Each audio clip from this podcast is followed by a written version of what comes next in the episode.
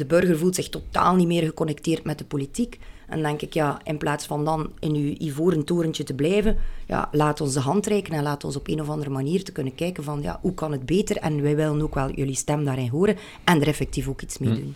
Solidariteit is belangrijk. Hoe verbinden we al die individuen nog tot een groter geheel? Daar zie ik dat onze samenleving voor een stuk een beetje in, in vastloopt. En dat is een probleem in onze maatschappij. Als je dat goed aanpakt, dan zijn er wel mogelijkheden. Wij zijn allemaal gewoon de bielen die in de donker aan het testen zijn. Dat is wel heel veel waard, wat wij hier hebben. Dat is echt wat telt. Kom aan, we gaan ervoor. Oké. Ça va. Oké, goed. Ja, we kunnen erin vliegen, hè. Yep. Oké. Vast. Wil jij de intro doen? Ja. Oké. Alright. Welkom bij een nieuwe aflevering van Discord met de Boys. We zitten hier vandaag met Stefanie Dozen, voorzitter van de Senaat. Welkom. Dankjewel. Voorlopig toch, want jij hebt goesting om die af te schaffen. maar daar zullen we zelfs op inpikken. Ja. Eerst gaan we een chingesje doen met de whisky. Heb je dat gedronken? ja? Ik denk als honey? Eh, honey nog niet. Nee? Dus dat is heel likeur eh, zoetachtig. Wat is goed, want ik heb keelpijn, dus ideaal. Volgens mij Dan gaat de fles op zijn, denk ik. Ja. Ah, is lekker. Ja, Goed, Eh, zo was zoeter, hè. Ja. Oké. nog een fles. ja, ja, ja, we kunnen rustig... het is vrijdagmiddag voor iedereen. Het is dat, Ehm, het is dat. ja. Nee, goed. Zoals altijd kunnen we verschillende richtingen uitgaan, et cetera, et cetera. Ehm, misschien... ehm, ja, oftewel starten we direct bij het Senaat. Ja, oké, ja, erin vliegen voilà. dan. Goed, ehm, het Senaat, interessant. Misschien Ehm, even voor de mensen dat het niet weten, hè, de, in het kort de functie van de Senaat. Hè, wat Ja, zijn. ja, dus daar wil ik Ja. inderdaad beginnen. Wat was een beetje het ideologisch perspectief om dat op te richten en waar is het vandaag nog? Ja, het heel interessant om dat te weten. Ehm, dus 1830. Hè. Ik ga niet eh, 200 jaar België uitleggen, maar Nee, gewoon nee. Het, het- de oprichting is belangrijk. Ehm, dus de bevolking komt op straat en zegt: Ja, wij willen rechtstreeks, eh, wij willen rechtstreeks stemrecht. Hè. Wij, willen echt, eh, wij willen niet meer dat de koning alles voor ons beslist. Dus eh, de Kamer van Volksvertegenwoordigers wordt opgericht. Nu, die koning en die adel daar rond, die hebben zoiets van... wow, dat wordt hier wel wat gevaarlijk, want ja, al dat revolutionair gedoe die uit het volk gaat komen, wij gaan niets niet meer te Ja, zeggen hebben. Dus we zetten daar een senaat tegenover. Een senaat waarin dat je eigenlijk alleen maar verkozen kon zijn, of je kon maar op een lijst staan wanneer dat je belastingen betaalde. Lees, enkel de rijken zaten in de senaat. Ja. Ja. Dus je ziet dat ook als je zo eh, in de Senaat rondwandelt. Het is zo dus dat elke voorzitter krijgt dus een portret in de Senaat. En als je dus zo die eerste Heel portretten ziet, hè, de eerste honderd jaar, dat is allemaal, mijn voorgangers, is allemaal met een kleine d en een kleine v. Dus dat waren eigenlijk allemaal hè, de edellieden hè, die eigenlijk dan die een revolutionaire kamer onder controle moesten Ja. houden. Je ziet dat ook gewoon aan het feit hoe dat de Kamer eruit ziet en de Senaat eruit ziet. Hè. De Senaat die heeft een gouden plafond, ehm, heeft ook het rode kleur, vandaar het rode plusje. Rood is de kleur van de macht. Hè. Ehm, groen is de kleur van de wet. Groen is de kleur van de Kamer, rood is de kleur van de Senaat. Nu, gelukkig, vandaag bestaat er niet meer zo van die ehm edellieden die het revolutionaire volk willen eh, intemperen.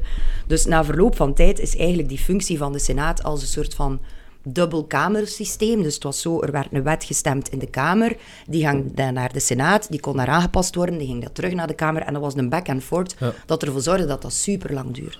Even, of wilt u even afmaken of ik heb daar even een kort een vraagje over? Zeg maar. Ehm, tussen die wisselwerking daartussen, ehm, hoe moet ik het zeggen, is dat een beetje gelijk een hof van beroep dat op een bepaalde technische manier ernaar kijkt? Ja. Eh, of is dat nog steeds een ideologie die zij ook kunnen terugduwen in dat heen- en weerspel? Wel, in de tijd was dat ideologie en was dat echt een beetje het gevecht van. Hè.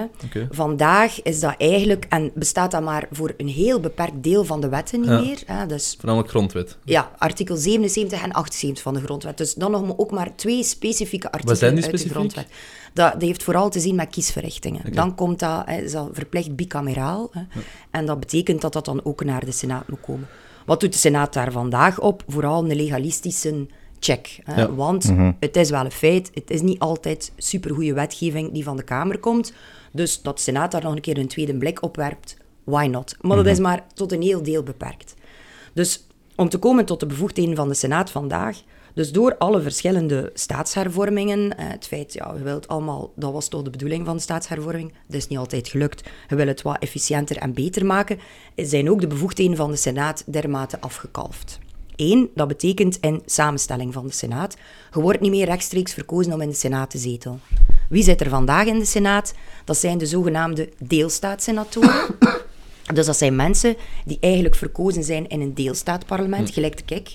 Ik was verkozen in het Vlaams parlement en ik ben ook toegewezen aan de Senaat. Dus dat betekent dat ik de vergadering in het Vlaams parlement combineer met die van de Senaat. Oké. Dat wil ik ook een keer even duidelijk maken. Wij worden daar niet voor betaald. Hè? Want mensen denken altijd zo, ah, is postje boven een postje boven een postje. Dus eigenlijk de idee dat de Senaat in, staat wordt, in, in stand wordt gehouden omwille van de postjes, dat is vandaag eigenlijk niet meer van de kwestie. Wij nemen die vergaderingen erbij. Vergaderingen in de Senaat zijn de maandag en de vrijdag. De vergaderingen in bijvoorbeeld het Vlaams parlement is dinsdag, woensdag en de donderdag. Politiekers dat aan vrijwilligerswerk doen.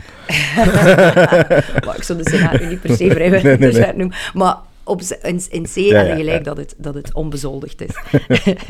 Ehm, dus dat zijn de deelstaatsenatoren. Wat is het tweede bijzondere aan de Senaat? Wat is eigenlijk ja, het, het doel van een parlement eigenlijk? Zij controleren een regering. Dat is eigenlijk wat het parlement doet. De Senaat, ja, dat is het vreemde eentje in de bijt. Die controleren geen regering. Want ja, welke regering zouden moeten controleren? Want het zijn daar allemaal verschillende regeringen samen. Ja. Bij wijze van spreken, het Vlaams parlement is een andere regering dan het Waals parlement. Dus wij hebben geen regering om te controleren. Dus wij moeten onze eigen agenda-setting doen. En dus zo is de idee dan geweest van, ja, de Senaat is eigenlijk de plek waar dat er nagedacht wordt over dossiers die lange termijn zijn en die transversaal zijn. En dus dat moeten wij dan zelf bepalen. En daar wringt het schoentje. Omdat, ja, wij hebben bijvoorbeeld een, een heel interessant, dat heet dan de zogenaamde informatierapporten. Heel interessant informatierapport gemaakt rond fake news en desinformatie. Van ja, hoe pakte dat aan? Omdat dat is niet puur Vlaams, dat is niet puur Waals, dat is niet puur Brussels, dat is zelfs Europees en internationaal. Om daar echt een informatierapport voor duimen en vingers van achter te likken. We hebben dat gestuurd naar alle regeringen en alle parlementen in ons land. Ra, ra, ra, wat is er gebeurd met dat informatierapport? Niks. Voilà, niets. Dus ja, en dus uiteindelijk, ja, dat is daar gebleven in een onderste schuif. En dan denk ik, die idee was goed, maar de uitwerking is heel wat minder. Hè? Ehm, het tweede wat dat de Senaat dan nog doet, is artikel 77 en 78 van de Grondwet. En met deze legislatuur vier keer voor moeten stemmen. Daarnaast kunnen we ook nog voorstellen van resoluties indienen. Hè? Dat is eigenlijk waarin dat je vraagt aan de regering om iets te doen. Oké. Maar de andere parlementen doen dat ook al. Dus ja, ook daar is de meerwaarde mij dan niet helemaal duidelijk. Dus ik heb gewoon zoiets van, ja, nadat ik een jaar voorzitter was, dat met heel veel liefde en, en respect voor de instelling bekeken, dan kom ik tot eigenlijk de vaststelling van, het heeft geen zin om een instelling van die grootte daarvoor in stand te houden voor de beperktheid van de bevoegdheden dat ze heeft. En dan heb je verschillende keuzes om te doen. Dan zeg je van, ja, oké, eh, we schaffen het af. Ja. Zit je daar wel met een heel groot gebouw van 50 voetbalvelden groot, hè, wat dat ook de geschiedenis van ons land eh, toont. Een prachtig gebouw. Ehm, je zit ook met personeel nog, die statutair benoemd is, die ook hun loopbaan uit gaan doen. Die krijg je niet zomaar weg. Dus een beetje mijn visie is van, ja, neem die politieke instelling van de Senaat weg, want ik zie daar de politieke meerwaarde niet meer van in. Maar we kunnen wel nadenken over andere zaken die kunnen gebeuren in die gebouwen. Bijvoorbeeld een burgerparlement. Ik ben een enorme grote voorstander van een burgerparlement. Laat burgers daar samenkomen, debatteren over een bepaald idee en doe daar effectief ook iets mee Ja. in de verschillende Een regeringen. beetje richting het eh, Oost-België-model dan Het. Oost-België-model, wat een fantastisch model is. Ehm, als je daar eh, de resultaten van ziet, de tevredenheid van de burger in de politiek is met 86% gestegen. En ja, want allee, dit is dan misschien een beetje het bredere plaatje van democratie en politiek vandaag. Ik maak mij daar gigantisch veel zorgen over. Als je ziet dat één op de drie Belgen eh, vindt dat er eigenlijk niets te zeggen is voor een parlementaire democratie en dat ze liever één autoritaire leider zouden hebben. Ik zoiets van, wow, allee, we, staan wel heel ver. En dus mm, de burger voelt zich totaal niet meer geconnecteerd met de politiek. En dan denk ik, ja, in plaats van dan in uw ivoren torentje te blijven, ja, laat ons de hand reiken en laat ons op een of andere manier te kunnen kijken van, ja, hoe kan het beter? En wij willen ook wel jullie stem daarin horen en er effectief ook iets mee doen. Oké, ça va. Nee, ehm, goed. Ja, we kunnen direct daarop eh, inzoomen, maar misschien eerst even nog het Senaat. Dus op zich, hè, de eerste ideologie is dat misschien iets minder charmant en eh doet blijken. En dat is dan een beetje een zeer conservatief tegengewicht voor toen een zeer progressief gegeven, ergo de bevoegdheden stilaan Juist. uit de, of verder weg van de monarchie krijgen.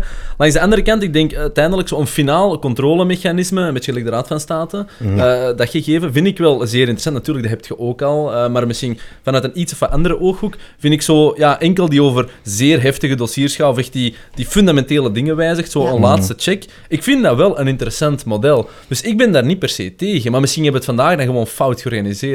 Dus misschien moeten we het niet afschaffen, maar een nieuwe, Voilà. een nieuwe ruimte geven. En u wilt er dan eh, een burgergeven mee doen, maar ik vraag mij toch ook af van, is het ook geen interessant politiek instrument waar dat je wel effectief meerwaarde mee kunt eh, creëren? Of niet, hè? Ja, wel. Maar- Maar dat is net een beetje mijn punt. Zo van, hè. Je hebt de mensen die zeggen, ja, afschaffen. Je hebt dan de anderen die zeggen, ja, nee, we moeten weer terug naar de grandeur van de Senaat, gelijk dat hij vroeger was. Ja, er is maar een reden dat we tot vandaag zijn gekomen. Oftewel heb je de derde weg. En de derde weg is diegene dat ik zeg van, oké, we kunnen kijken voor een burgerparlement, maar je kunt daar ook bijvoorbeeld een grondwettelijke kamer in installeren, die die een check doet. Maar het ding is, heb je daarvoor een aparte politieke instelling nodig? Dat is de grote vraag. Ik denk dat niet. Als je bijvoorbeeld die een dubbelcheck op die wetten wil doen, dan zou ik dat wel fijn vinden als het bijvoorbeeld gaat over, ik zeg maar iets, een wet die te maken heeft met volksgezondheid, ja, dat de experten van volksgezondheid daar ook wel zitten. Nu zitten mij een vaste poelen van senatoren. Ik ben bijvoorbeeld in mijn Vlaams parlement ben ik lid van de commissie cultuur. Cultuur is echt mijn expertiseveld. Ik weet minder van volksgezondheid, eerlijk gezegd. Dus als je die een dubbel check doet, doet, waarom werkt het dan niet met een soort van roterend systeem dat ehm, die volksvertegenwoordigers op dat moment onderbuigen over die wet die te zien heeft met ehm, die volksgezondheid, bijvoorbeeld. Hè? Dat die experten daar effectief eh, aan, aan de tafel zijn. Dus op zich ehm, sta ik echt open voor heel veel ideeën, maar wil ik wel dat we dus die Senaat gaan hervormen en kiet de politieke instelling gelijk dat ze vandaag bestaat, die niet werkt, dat we dat wel afschaffen. Ja. Hè? Dus, ehm, maar ja, dat krijg je natuurlijk niet zo gemakkelijk verteld in een one-liner. Dus iedereen zegt dan, ja, Nee. ze willen hem afschaffen. Ja, ik wil gelijk dat hij vandaag bestaat hem afschaffen, maar ik wil wel nadenken over instrumenten die onze democratie, ons land ook wel beter maken en die ook wel een besparing zijn. Allee, ik vind sowieso moeten echt wel in ons land veel en meer efficiënter durven werken Ja. en nadenken over, over besparing. Ja. Maar het ding is, ik kan dat zo lang niet doen, zolang dat die grondwet niet gewijzigd wordt. En hier wringt het schoentje. Een grondwet kan pas gewijzigd worden wanneer dat we de grondwetsartikelen die betrekking hebben op de Senaat voor herziening vatbaar verklaren. Oké. Dat is de vorige verkiezing niet kunnen gebeuren omdat de regering is gevallen over het Marrakesh-pact. En dus hebben wij de grondwet niet voor herziening vatbaar kunnen verklaren, waardoor dat we eigenlijk vandaag, as we speak, die Senaat niet kunnen hervormen. Dus wat is nu eigenlijk de eerste stap dat ik persoonlijk wil doen? Die artikelen die daarop betrekking hebben, die al voor herziening vatbaar verklaren. Dan moeten daar verkiezingen over gaan. Dat staat in onze grondwet. En dan daarna, vlak na de verkiezingen, kun je die hervormingen doorvoeren. Ja. Maar die een eerste stap moet je wel al nemen. En er zijn nu al politieke Het partijen die het kwetsbaar, moeilijk maar hebben. Maar. Juist, voilà. En nu heb je al politieke partijen die schrik hebben om die een eerste stap te nemen. En ik Mhm. heb zoiets van, ja, maar ja, kom Wordt de VLD daar in general ook niet bij? Nee. Allee, u misschien dan niet, maar ik bedoel... eh, Mijn partij is, eh, allee, eigenlijk mijn visie is volledig de visie met mijn partij. Dat is over andere standpunten, soms wel een Nee, keer nee, iets anders. ja, maar maar als, dit- over, als het over de Senaat gaat, staan we daarin op één Oké, lijn. En Ja. waarom loopt het dan zo spaak? Wat, wat is dan het... Het, is vrijwilligerswerk, dan- zoals Arno het zo beleefd uitdrukte. Ehm, het, ja, het, het doet eigenlijk weinig. eh. Buiten misschien dan een, een bepaald eergevoel, of zo zou ik kunnen zeggen, want het Ja. heeft nog wel een bepaalde klasse. Ja. Ehm, is er dan weinig toegevoegde waarde? Dan lijkt me dat je daar weinig bandbreedte voor kunt vinden, of, of, of eh, animo om dat dan te behouden. Maar het blijkt dan toch wel... Hey, de status quo Ja. behouden zal altijd de voorkeur genieten, maar ik Ja. bedoel, los daarvan. Maar bij de bevolking is het heel duidelijk. De bevolking heeft ook zoiets van... Allee, als ik dat zet op... op Ja, eh, maar de bevolking X- heeft er niks over te zeggen. Ja, maar ik vind dat wel belangrijk dat je als politicus altijd wel blijft luisteren naar je bevolking. Ah, ja, maar het wordt niet doorgevoerd, dus Voilà, per definitie ja, wordt er niet geluisterd. Maar je bevolking is heel duidelijk, schaf het af. En dan toch zijn er wel bepaalde politieke partijen die dat willen blijven behouden. Ja, het is al niet meer te doen voor de postjes, maar het- er is wel iets dat, dat kan vermoeden wat dat ermee te zien heeft. En dat is, op de Senaat werken er vandaag 100 politieke medewerkers. Ja? Dat is lot. Het zijn tien politieke partijen, dus laten we zeggen een gemiddelde van tien medewerkers per partij. Ja. Gelijk dat zegt, that's a lot. Die tien, die werken niet allemaal voor de Senaat. Want ja, er is namelijk te weinig te doen in de Senaat. Ja. Hè. Ehm, allee, ik moet zeggen, als voorzitter heb ik zeker een drukke agenda, maar als individuele senator valt dat eigenlijk wel vrij goed mee. Ehm, En dus ja, die tien die werken natuurlijk wel voor politieke partijen. En daar wringt natuurlijk het schoentje dat dat voor een stuk een verdoken partijfinanciering is. En sorry, maar dit moet je ook durven zeggen en dat moet je ook durven op tafel leggen. Dat als je het plaatje bekijkt van financiering van politieke partijen, ja, dat daarin ook wel de Senaat een soort van cash cow is. Hè, waarin dat, ja, politieke medewerkers ja, op de payroll van de Senaat staan, maar eigenlijk werken voor de politieke partijen. Ja. En dat is in elke politieke partij zo. En dat is daar bijna zo'n beetje een omerta over, van ja, we gaan daar niet over klappen. Ja, maar zo raakt het ding nooit op. Allee, nooit, nooit, nooit afgeschaft. Of hadden nooit nadenken over een nieuwe nuttige invulling die daaraan kan gegeven worden. Maar goed, ik zet mijn strijd verder. En denk je dat je gaat slagen in het eh, openbreken van die herzienbaarheid? Ik heb zo al veel verklaringen gedaan in de pers en zo. Maar mag je eh, rustig je- een echt antwoord Ja, voilà, voilà. Ja, weet je, als... Het moet gewoon slagen. Allee, sorry, maar... En ik ga er zelf alles voor blijven proberen doen. Ik ga nu dat voorstel neerleggen voor die artikelen voor herziening vatbaar te verklaren. Ik ga dat doen. En dan ja, zal elke politieke partij kleur moeten bekennen. En in de spiegel kijken en zeggen, ja, een heel groot deel van de bevolking wil dat. Je zit natuurlijk ook wel hier met een verschil tussen Vlaanderen en Wallonië. Ja. In Wallonië is dat een debat die veel minder speelt dan in Vlaanderen. In Vlaanderen zeggen heel veel van die Vlamingen, oeh, die Senaat bestaat dat nog. In Wallonië hebben ze zoiets van, ja, c'est le grandeur de la Belgique, patati, patata. Ehm, dus daarin heb je wel echt een, een communautair verschil. Dus daar komt het ook wel op neer. Maar goed, ehm, dat gaat mij niet tegenhouden. Nee. Alright. Spannend. Ik Oké. ben, eh, ben benieuwd. En op welke termijn acht je het eh, Ja, te doen slagen? hè? Voor de verkiezingen. Ja. Dus, eh, Voor, de verkiezingen, time, time is ticking. Ja, time ja, ja, absoluut, En, en ja. Dat is, Maar dat impliceert eigenlijk voornamelijk lobbying, I guess, no? Bah, ik Want- ben want al dat- drie jaar bezig. Ja, ja. Ja, wel, ja. De tekst aan zich lijkt me dan al lang Maar uitgewerkt. de tekst ligt al klaar, al, Oh, al, drie- al drie jaar. ehm. Het is echt gewoon de Het- beslissing Het ding is nog. gewoon, ja, ik moet gewoon ook aan twee derde meerderheid Ja, ja, halen. ja. Dus Ja. twee derde, it's a lot. Ja, Allee, ja. dus, Ja, dus, ja, ja, zeker. dus dat is gewoon, dat is geen gewone meerderheid. En dus ja, ja, dat betekent op een bepaald moment dan ja, heel veel politieke partijen die kleur gaan moeten bekennen. En die hebben daar allemaal een verschillend ideetje over. Hè. En die vinden, ook binnen elke politieke partij is het niet hetzelfde. Like bijvoorbeeld binnen Vooruit is Conner heel duidelijk, die zegt afschaffen. Bijvoorbeeld Bert Anciot, die de senator is voor Vooruit, die zegt no way. En ik luister niet wat dan mijn voorzitter mij zegt. Hm. Ja. Dat is een beetje ambetant. En ik begrijp dat natuurlijk, dat je als senator dat zegt. Want dat is eigenlijk, ja, gelijk dat je een kalkoen laat beslissen over kerstmis, hè. Hm. Maar ja, dan denk ik, ja, probeer misschien een keer jezelf te overstijgen. ehm, en, ehm, en probeer misschien gewoon een keer te kijken naar, naar hoe dat ons land beter kan worden eh, ingedeeld. En allee, ik heb altijd wel twee zaken waar dat ik vrij mijn rug voor breed wil maken. Dat is één, dat gebouw. Allee, ik, ik zou het heel spijtig vinden als er niets meer zou gebeuren met dat gebouw. Dat is Ja. fenomenaal. Maar dat is gewoon culturele Dat is waarde cult- ja, dat is erfgoed. Allee. ja, ja. En dus, wat- wat maar ben daar heb je toepassing genoeg voor. Hè. Voilà, en wat ben ik bijvoorbeeld beginnen doen als voorzitter? Want dat was echt onbekend is onbemind. Ik had echt zo in mijn vriendenkring... Zijn jullie er al een keer op bezoek gekomen in de Senaat? Niemand, hè? Niemand. En dus ik doe niet anders dan groepen uitnodigen. Eh middenveldorganisaties, like gisteravond we een groot event van VOCA. En ja, dat personeel, die kunnen dat. We hebben een fantastische ploeg personeel om volk te ontvangen.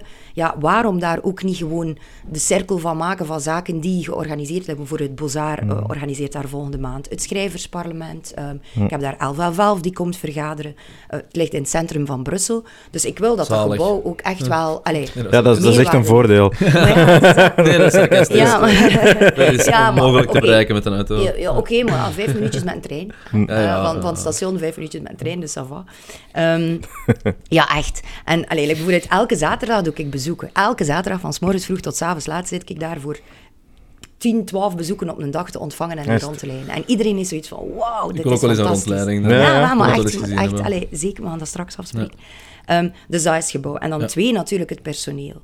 Allee, je zou maar personeelslid zijn van de Senaat. hè. En dat zeggen tegen je vrienden, ik werk voor de Senaat. Eh, Die er zoiets van, what?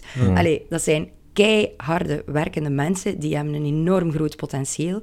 Dus daarin ben ik ook bezig aan het kijken van ja, synergie met de Kamer dan, hè, met Kamerpersoneel, van kunnen die doorstromen richting de Kamer? De nieuwe invulling die zou gegeven worden aan de Senaat, kunnen die daar een rol in krijgen? Want allee, ik vind niet dat zij het slachtoffer moeten zijn van politieke beslissingen die we nemen.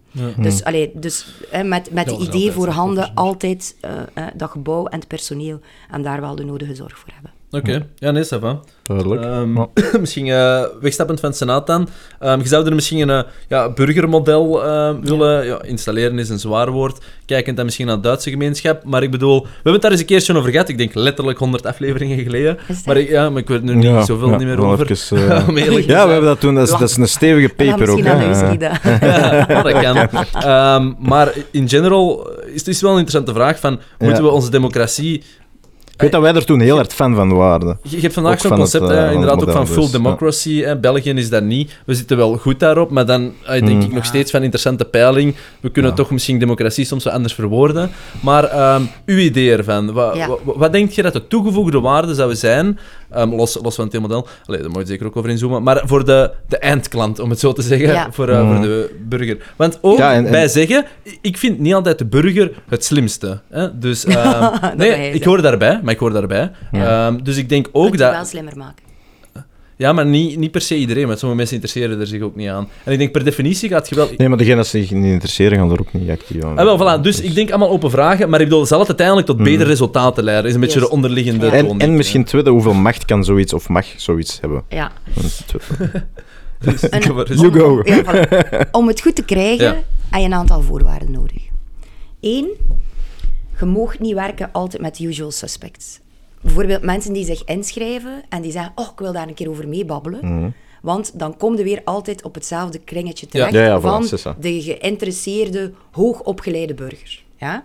Dus moeten werken met een loting. I know, vrij gecontesteerd, een loting. Maar dat moet je doen. Dus je pakt je rijksregisternummer, zo werken ze in Oost-België. Toek, toek, toek, toek, toek, en haalt daar 200 geïnteresseerde burgers uit. Bij wat zijn ze terechtgekomen? Na de loting mogen weigeren. Het is niet zo gelijk een assisenjury Ja. dat je verplicht bent om te zetelen. Dus je moogt weigeren. In Oost-België hebben ze dat gedaan. Raad een keer welk profiel dat er overbleef na weigering. Eh, eh, profiel langs... Man? Ah, Ah, echt, echt, echt. Ja. eh, Typische alle demografische demografische. zaken. Ja. Ja, ik denk... Ik denk Ouder dan over- 40? Ja, Anders zijn ze niet geïnteresseerd in ja. Voilà. Zelfs ouder dan 60. Ja. Ja, en dan inderdaad, ja, opgeleid, opleiding, eh, hoger Opgeleid. Ja. Man? Sowieso egocentrisch. Blank. Ah ja, blanke wou ik nog zeggen. Dus dat ja. waren de vier. Allee, met alle respect voor de slimme, eh, oude, blanke mannen. Maar dat is niet de doorsnede van de bevolking. Dus wat doen ze in Oost-België? Ze doen een nieuwe loting. Doen een nieuwe loting en dus dan komen ze eigenlijk uit tot min of meer een doorsnede. Hè? Migratieroutes, niet-migratieroutes, man-vrouw. Maar in die eerste loting was ook rekening... Ah, dat was ook gewoon echt heel random. random. Oh ja, en omdat Dus- daar de reactie eigenlijk een heel specifiek demografische Juist, achtergrond heeft, ja. hebben ze dan toch opnieuw een loting gedaan. Opnieuw Maar-. Maar dat is- eigenlijk, ja... Maar dat is misschien open vraag. Ah, ik snap het wel dat je niet inderdaad enkel die groep wilt, maar uiteindelijk is die kans wel gegeven initieel geweest. Dus dat is dan, ja, dan is I de verantwoordelijkheid van de burger. En dan zou je eigenlijk moeten zeggen van oké, nu gaan we die inderdaad beginnen Ja. sturen en opleiden om... eh, eh, Het doet eh, enthousiasmeren. Ja. En vraag, Het die. Die correctie, eh, als we dan spreken inderdaad in de breedste betekenis van het woord diversiteit, ik bedoel, alle Ja. opleidingen, et cetera, is het dan gebaseerd zeg maar, op cijfermatig gegeven van waaruit het- die bevolkingsgroep groep Yes. bestaat? Of Yes. is dat veel meer, we moeten dat overcorrigeren en zaken? Nee, nee, nee. Echt gebaseerd op huidige cijfers. Dus als bijvoorbeeld hè. eh 10% niet opgeleid is eh, in de bevolking, gaan ze wel dan zien dat 10%... trek je dat door. Ja. Ja. En je hebt daar de modellen voor, gelijk dat David gedaan heeft met G1000. Allee, dat bestaat allemaal. Dat is geen rocket science, dus dat wordt doorgetrokken. Oké. Dus voorwaarde 1. Loting gecorrigeerd. Ja. Voorwaarde 2. Dan hebben die burgers die dat samenkomen. Je moet die laten bijstaan. Je moet die slimmer laten worden. Hè. Ehm, omdat ja, niet iedereen kan op een bepaald moment zeggen van ik ben hier de grote expert daarvoor of Tuurlijk daarvoor. niet. Dus je laat die bijstaan door experten, door administratie, door mensen die eigenlijk de vragen die er zijn, die dat kunnen capteren. Voorwaarde 2. Voorwaarde 3. Je laat die babbelen over een thema die wel omlijnd is. Bijvoorbeeld, ik ga eh, een voorbeeld geven. Als je nu zegt bijvoorbeeld dat Macron gedaan heeft rond klimaat. Klimaat is zo way huge. Way, je kunt daar dus en één voorstellen Moet, bij steken. Dus je moet wel iets hebben dat je zegt van oké, dit is iets wat dat dicht bij de leefwereld van mensen staat. Bijvoorbeeld het eerste thema dat ze in Oost-België hebben gedaan, is ouderenzorg. Oké. Omdat die, dan ook, die zijn het eerste burgerparlement gestart na covid en die hebben ook de drama's gehad in de woonzorgcentra, gelijk dat wij ze hebben gehad.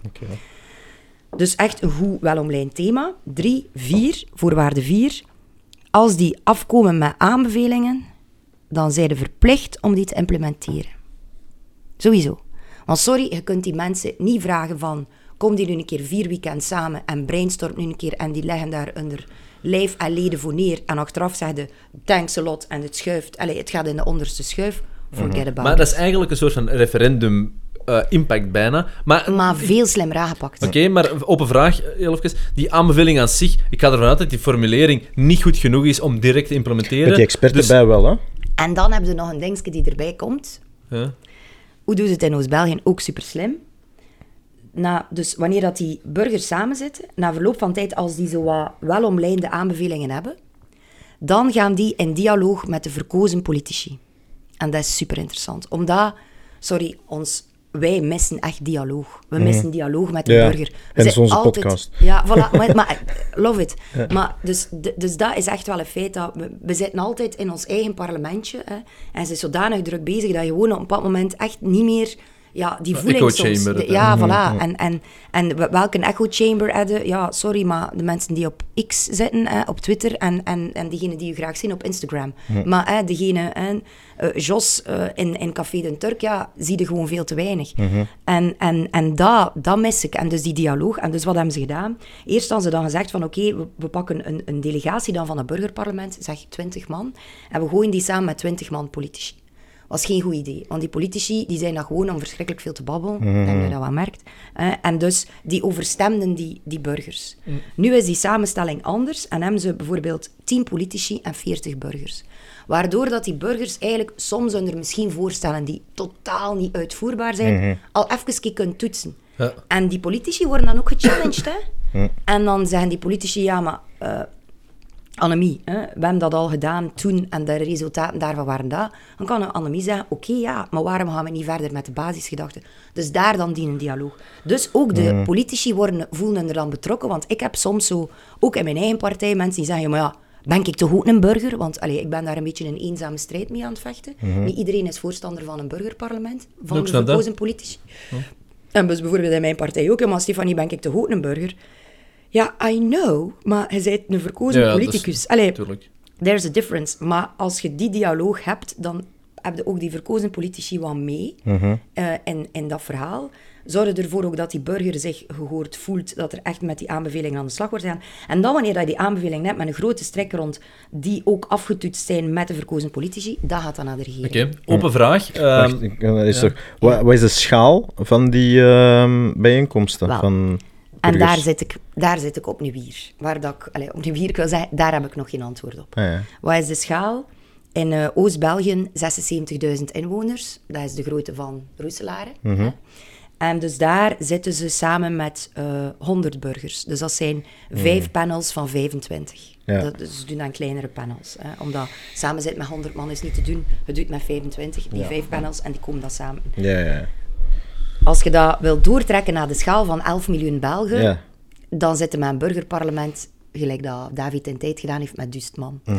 Dus daarin moet je in mijn ogen op vlak van aantallen, ga je wel echt een keer goed moeten experimenteren. Daar ben ik het mee eens. Maar op een En bepaald ja, moment komt het eigenlijk terug tot hetzelfde. Hè? Als je dat even doortrekt, is er eigenlijk Nee, een nieuwe is- politieke klasse aan het creëren. Want je gaat weer de representatieve democratie moeten outsourcen naar je burgers die Nee, want het is ander- elke zitten. keer een andere loting, hè? andere nieuwe mensen. het is, Het niet dat er vaste postjes zijn. Hè? Maar er zullen wel interessante groepen en, en allee, fracties ontstaan uiteindelijk in het middenveld. En uiteindelijk, per definitie, gaat je er Ze wel moeten geloot terechtkomen. worden, hè? vergeet dat niet. Hè? Dus ja. je kunt, allee, dus Nee, nee, maar ik- dat, ik dat is het je ding van de voorwaarden. Want inderdaad, als je weer gaat werken met diegene hè, met een opt-in en ze kunnen kiezen, ja, dan kom je weer in hetzelfde bla bla, Nee, nee, praatbarakje terecht. Hè?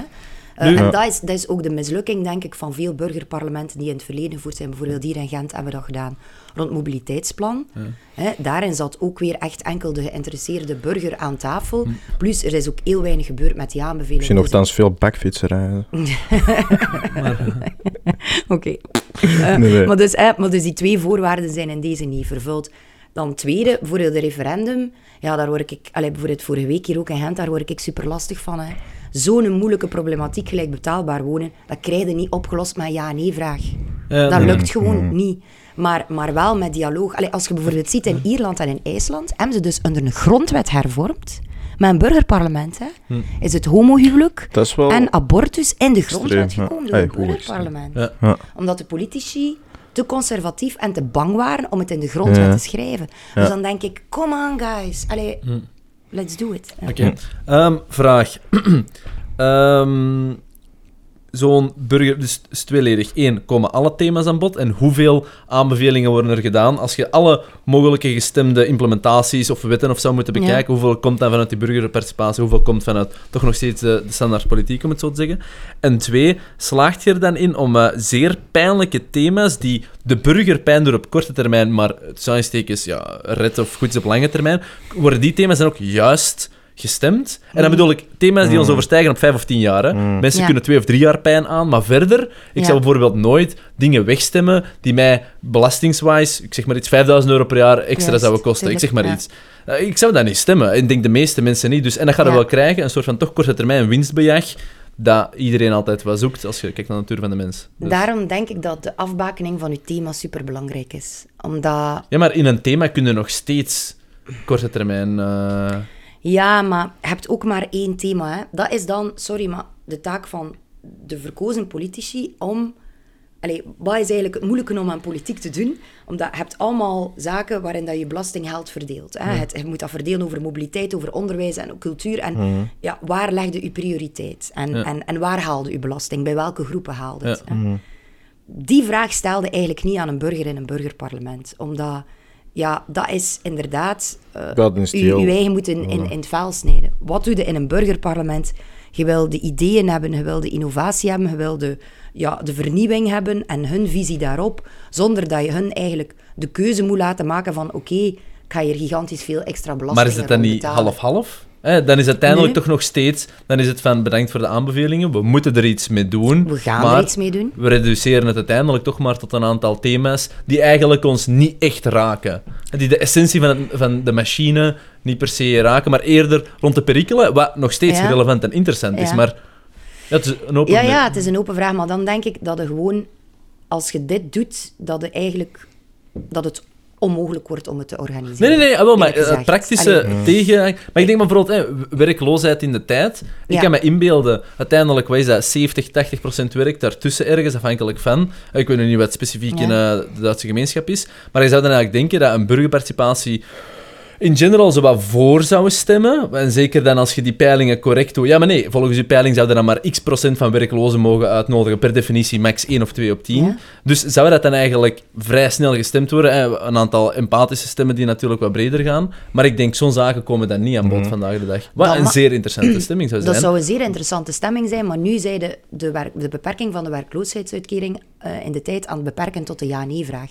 En dat vind ik net het interessante van een burgerparlement, dat je kunt zeggen van oké, we werken met overgangstermijnen, we houden rekening met leefloon, we bekijken daar welke spanning dat er daarop zit. Dus En dat het thema breder trekt. Maar dat zou kunnen. Maar het moet afgebakend thema- zijn. Je mag het ook het niet te moet- breed. Ja, het moet afgebakend zijn in een, in een dinges van... Wat doe je met... Bijvoorbeeld, een vraag zou kunnen zijn... Wat doe je met de inactiviteitsgraad in onze samenleving? En doe daar verschillende maatregelen rond. Ja? En één van die maatregelen zou kunnen zijn... Beperking van Maar zouden werkloosheid zouden zij dat dan nu vandaag de dag erdoor krijgen? Stel dat een aanbeveling zou zijn? Ik wil daar niet op vooruitlopen. Nee, nee, nee, nee maar puur om Maar het, om het mechanisme is- te snappen. Ja, maar als het zo is, ja, dan, dan moet je dat dan Dus moet je dat als die aanbeveling van die burgerpartij daar zou uitkomen, beperken, dan moet dat verplicht ingevoerd Ik worden. vind dat wel. Nee, nee, Ja. nee. Maar is het zo vandaag daar? We hebben die regelgeving nog niet, dus ik kan, ik kan niet... Maar als we die regelgeving zouden Ja? schrijven, dan zou ik zeggen, ja, doe het verplicht. Uiteraard. Oké. Ja, nee, ja, nee, interessant. Ah, maar het was nu even Ja. heel praktisch, hè, Ja, maar om ja, het gewoon... Ja, Ja, ja. niet zozeer hier, maar dan bijvoorbeeld eh, IJsland of dinges. Moest dat daar gebeuren? ja. Want daar kan het wel, of nog niet. Wel, daar hebben ze ook echt de thema's heel fel afgebakend en is het momenteel echt gegaan over bijvoorbeeld ethische thema's. hè. Homohuwelijk en abortus. Maar dat Ja. zijn eigenlijk de, allee, no offense, belangrijke thema's. Maar als je alle thema's bekijkt dat een land eigenlijk echt onder druk kunnen zetten van vooruitgaan of achteruitgaan, Ja. is dat maar een onderdeel en zeker niet Juist. het onderdeel. Dus niet het onderdeel, maar Allee, Ik denk economische, allee, dat lijkt me altijd nummer one. Want van daaruit kunnen zoveel mogelijk rechten toekennen aan mensen. ja, maar de economische, ja, helemaal mee eens. Maar ik vind bijvoorbeeld het ethische, maar dat zal aan mij liggen, vind ik voor een land, voor een maatschappij, voor een democratie, vind ik minstens even belangrijk of het ethische. Ja, ja. eerlijk gezegd. Maar Ah, hoeveel ja. impact is dan ook economisch? Omdat je nu net stelt van het Ah, gaat ja, voornamelijk nee, over nee. ethische thema's. Nee, maar voilà. ja, maar, wel, dat dus is, dat wil ik maar ik zeggen. zeg, dus altijd alles gaat staan of vallen met de keuze van je thema dat je pakt. Mhm. En ik zeg niet dat je maar één thema moet doen. Je doet verschillende burgerpanels waarin dat ze eh, drie weekenden eh samen zitten en daar komen er aanbevelingen Mhm. uit. Dus allee, eh, het, het hoeft niet enkel ethische thema's Nee, te nee, zijn. nee, Je nee, kunt- dat je kunt het- maar ik ben maar aan het het moet wel- ontdekken hoe dat het moet- model, Ja, voilà. werkt. Het moet wel omlijnd zijn. Maar goed, het model moet nog volledig uitgeschreven worden. Mhm. Maar we hebben goede voorbeelden in IJsland, Ierland en Oost-België. Ja, laat ons daar de goede ideeën gaan pikken en er een goede mishmash van maken. En wat testen, hè? ja. En, nu- wat, en wat experimenteren. We gaan nooit het ideale model Nee, van nee. het begin hebben. Nee, maar nu weg uit de ideologie naar de Belgische praktijk, dat raakt nooit geïmplementeerd. Hè? Wie zegt er dat? Eh, allee, maar nooit is een extreem. Maar in de komende vijf à tien jaar zie ik niet een. eh, Ah, Nee? natuurlijk wel. Ja? Maar nee, we hebben nu Zijn- al een wetsvoorstel in de Kamer. Het beste klaar- voorbeeld van een Ja, een pessimist en een optimist. ligt. Allee, no Een offense, wetsvoorstel maar... is gestemd in de Kamer. Kom nu naar de Senaat, want er is nog eentje die dubbel moet gestemd worden. over, nee, En ga je over, tegengestemd worden of voor? Tuurlijk, voor. Over de Ah, ja. installatie van burgerpanels. Oké. Dus dat, allee, Maar dat gaat zeer vrijblijvend nog zijn. hè. Maar dat is een, ja, wets- dat is dat een is wetsvoorstel. Hè, dat is een wetsvoorstel. Dat moet dan nog concreet geïmplementeerd worden. En daarvan zeg ik, kijk, de moment dat je dat concreet implementeert, doe het in de Senaat. En dan komt gewoon alles een keer een beetje samen. Ja, oké. maar Maar dat is een job voor de volgende regering om dat Ja. concreet dan te maken. En, want je spreekt dan eh, over burgerpanels. Welke draag, draging heeft dat? Is dat echt naarmate de grootte van eh, het Oost-België-model, of is dat een eerste testcase dat nog moet groeien? Ik denk Of, dat je daar hè? in het begin al een keer een experiment moet ronddoen. Ja. hè. Heel feedback Ehm, georiënteerd. Ja, eerst, eerst Mhm. kijken van... Allee, hebt nu... Maar hoe ver kunnen met die stemming, eh, wat dat er dan goed gestemd wordt, Ja. hè, hoe ver kunnen we daarmee gaan? gaan informatieve rapportjes zijn. Ja, voilà. Ik denk in het Ja. begin dat je dat moet doen, maar als je ziet dat dat werkt, gelijk in Oost-België, ja, daar maakt het dan gewoon iets van. Hm. Want wat wordt dan, wat gelijk het informatierapport dat de Senaat nu heeft gemaakt en dat niks mee wordt gebeurd, gaan we dan niet een beetje hetzelfde krijgen met dat? Eh, ook al is het goed gestemd. En dus de Senaat verandert in burgerpanels, laten we Ja. het zo even stellen. Ja. Dus in plaats van de Senaat maakt informatierapporten, maakt de burgerpanels informatierapporten. Wel, dat gaat, het Gaat het dan- zijn. Als je zegt dat de regering verplicht is om dat in te voeren, ja, dan is het geen praatbarak. hè. Ja. Ja, maar dat gaat er En niks dat- aan krijgen. Dat gaat... eh Dat zou ik niet durven zeggen. nee? Oké. Oké. We Ben je talk voor 10 again. euro? We talk again. Oké, we Spannend. moeten een termijn opzetten. Hè? ja, Ah ja, de dat is komende regering. Komen er... Nee, maar wacht, wacht, wacht, wacht. wacht, wacht. Ik zei 5 à Dat is 10 Ah, jaar. ja, ja, binnen- ja. dat is binnen Nee, een paar nee. jaar, hè? een paar maanden. Hè? Nee, komende maar- maar-. Nee, nee, ja, ja, vanaf de- Ah, ja, daar- vanaf volgende Ja, ja, ja. Ja, in, in- tijdens de volgende legislatuur. Ja, Ja. 10 euro. 10 euro. komt, 50. Oh, ja, mij. Nee, een fles honey. Ah, wel. Ah, ja, ja, ja, ja, dat vind ik een goeie. Dat vind ik spannend. dat? En wat kost dat? Eh, 35 euro. Ik hoop dat Ah, je, minder, ik hoop dat je verliest. Ik hoop dat je verliest. Oh, Ik maar stem, ik eh, vind het een grappige bed. ja, ja, Ehm, tuurlijk, tuurlijk. Nee, nee, oké, maar, maar uiteraard, en ik denk, en misschien teruggaand naar het gegeven waarbij je zei dat mensen autocratischer beginnen te stemmen. Op zich denk ik dat er zeker wel een argument voor te maken is, want waarvoor dat gestemd wordt, is van, laat mensen die nu iets zeggen ook het waarmaken en laten we efficiënter werken, Mm. is de achterliggende softere ideologie van waarschijnlijk dan enkele extremelingen die echt zeggen we willen autocratie. En dus ik denk dat er ook waarschijnlijk nuance te maken is in dat spectrum die dat aangeven. Ja. En ik denk dat daar wel een argument voor te maken is, maar het is wel zo, het vertrouwen in de politiek, soms terecht, soms onterecht, eh, loopt wel een beetje spaak. Hè? Dat, dat, dat zie je ook wel. En ik denk ook wel dat in democratie aan haar, eh, haar doel niet altijd bereikt. Als ik nu even heel persoonlijk mag Ja. spreken, of niet, niet te, hè, maar, eh, maar gewoon puur. Ik denk bijvoorbeeld een heel goed argument, wat je daar echt ziet, hoe dat soms toch dingen gemist worden, waaruit de onderliggende contouren zijn, maakt iets minder uit. Maar bijvoorbeeld VLD, liberalisme, op zich een goed idee, met eh, waarschijnlijk een aantal contouren die je in vraag kunt stellen, zoals met elke ideologie. Maar je zou wel zeggen, oké, ehm, privacy, veiligheid, eh, vrij belangrijk thema. Maar dan zie je natuurlijk ook wel dat dat privacy-thema vandaag de dag, en dan verwijs ik even naar de ANPR-camera's, dat het dan toch eigenlijk ook niet, dat die ideologie daar niet tot stand komt. En dat denk ik, die, die, die verschillen met ideologie versus dan praktijk, dat dat wantrouwen voedt. Ja, Dus ja, ik snap weet het. niet, los van die burgerpanels, zit je daar ook oplossingen voor, voor, voor Ja, dat ondermijnen van het geloof in? Ik, ik denk dat er een aantal eh, redenen zijn waarom... de praktijk is super complex, hè? dus Ja, het heeft een voilà, reden. ja. Maar... Ja, ik denk, denk dat er een aantal redenen zijn. Eén, ehm, ja, mensen hebben wel zoiets van... Het beeld dat ze de laatste tijd van de politiek hebben, is niet proper. En dat hebben we eigenlijk voornamelijk aan onszelf te danken. Hè. Hmm. Allee, sorry, oké, we zijn ook maar mensen. Ja, maar het is een eens. sensatie gebeuren. Hè? Die, Het is- die het is- personificatie zijn wij ook geen fan van. Hè, Ja, voilà. Ik, ik, ik, ik vind dat ook, maar pas op, het, het wordt bijna gecultiveerd en het is zo... je bent bijna zo een ratje die zo in, in zo'n wieleke draait. Zo, hè. Dus, dus als je van, vanuit de politiek niet meedoet aan, aan die populaire programma's, ja, dan ken er veel te weinig eh, mensen nu. En dan ja, doe, je, doe, je, doe je daar dan niet aan mee, dan geraakt je niet verkozen. Maar ja, doe je daar dan wel aan mee, ja, dan moet je in een konijnenpak uh, rondlopen. maar het is een populariteitscontest, Allee, dus, dus dan heb ik zoiets van, maar echt waar, waar zijn we mee bezig? Bring Wat back boring spel, politics, Ja. please. Ja, Allee, ja, ja. Kunnen we terug naar het staatsmanschap van vroeger? waarin Ja, maar dat de- inhoud Allee, is heel de opzet Zo. van onze podcast. Dus. Allee, ja, dus dat is één. Twee, ja, sociale media die daar allee, echt geen cadeau in zijn. Want ik vind dat altijd zo boeiend.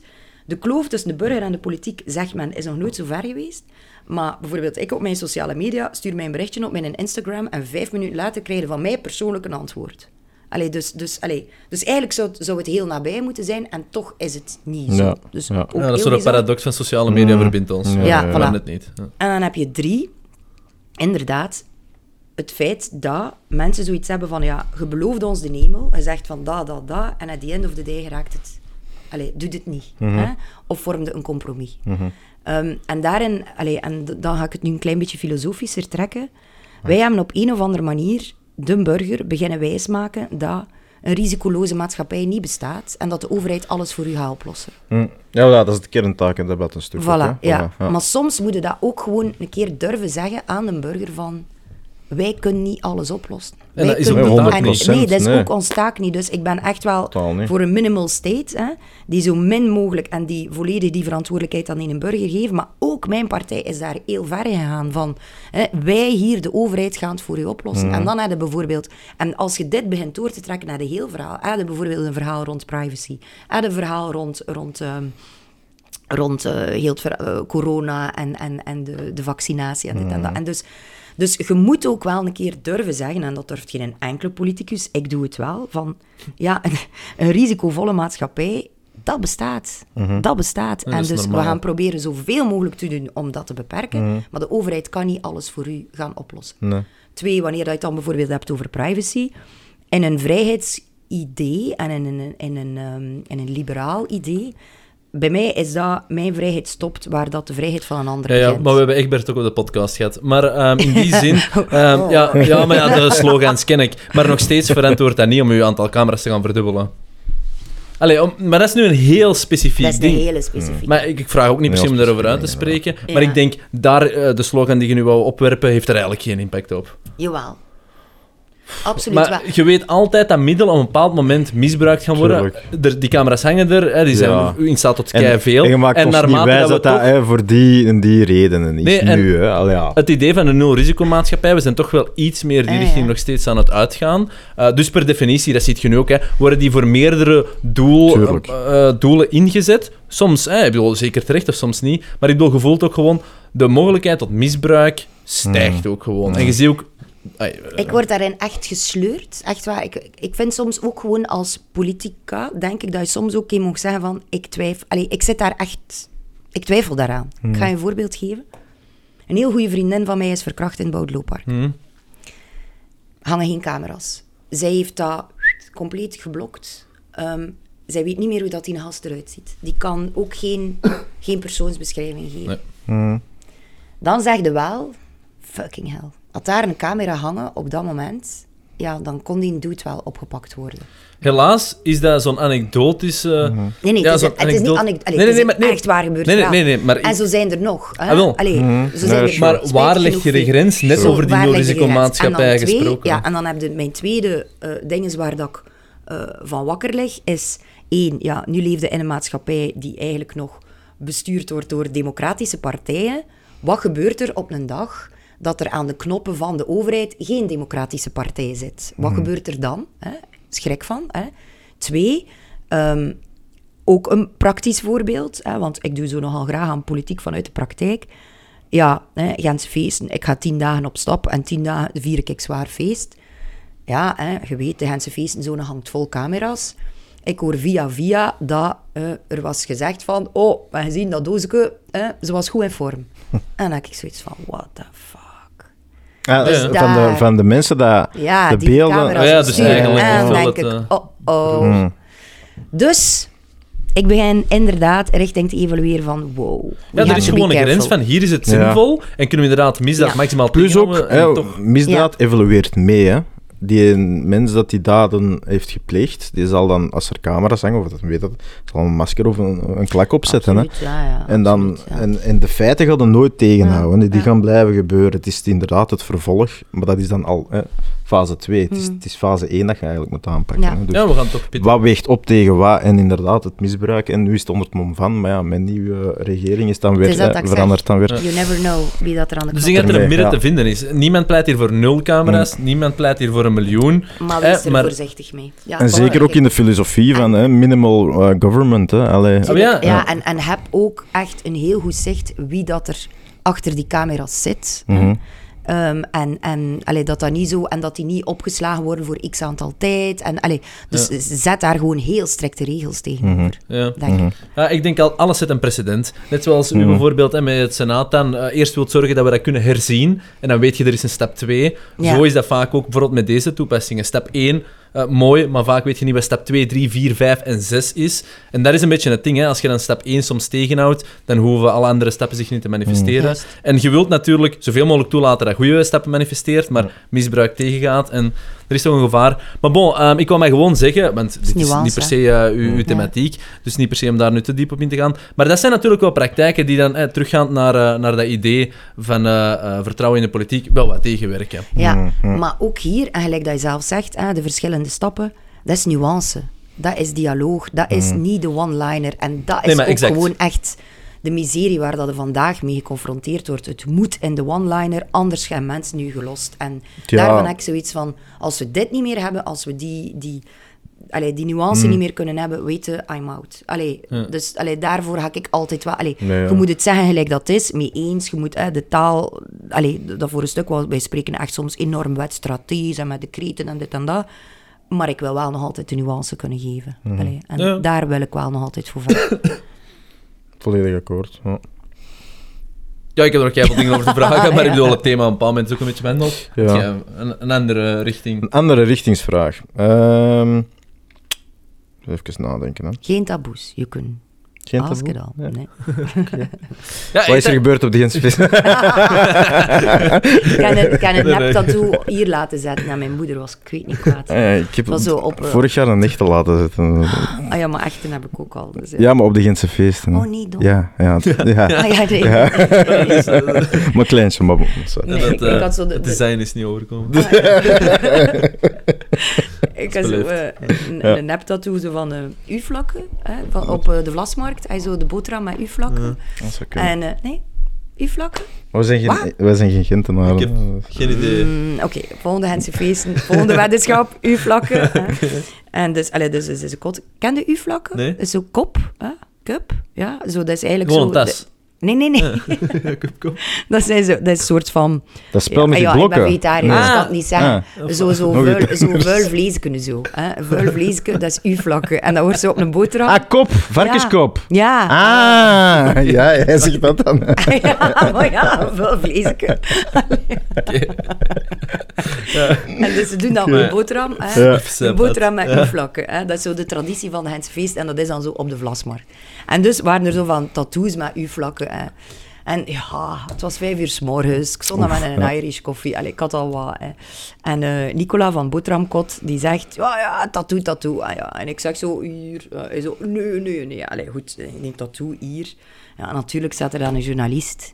En je pakt dan een foto van. Ja, de volgende dag, het eerste blad van de Gazet. En dus ja, ik ben thuisgekomen. Ja, ik ben thuisgekomen ten acht s morgens. En dan, ehm, ja, ten negen s morgens, mijn ma... Stefanie? Zo heb ik u niet opgevoed. dus, eh, en wat dat vrij grappig was, ik kreeg dat in tattoo maar niet af. En dan, het was dan de 21 juli. En ja, de- dan ben ik zo... Ja, ik ben, is eerst een burger van, van het land. Dus dan moet de, de, de, de koning eigenlijk uit zijn paleis gaan halen. Ja, dat protocol is fantastisch. En als vertegenwoordiger van de 11 miljoen Belgen, dan ga ik naar het paleis en pak ik de koning mee naar de tribune, waar dat hij dan de troepen groet en dit en dat.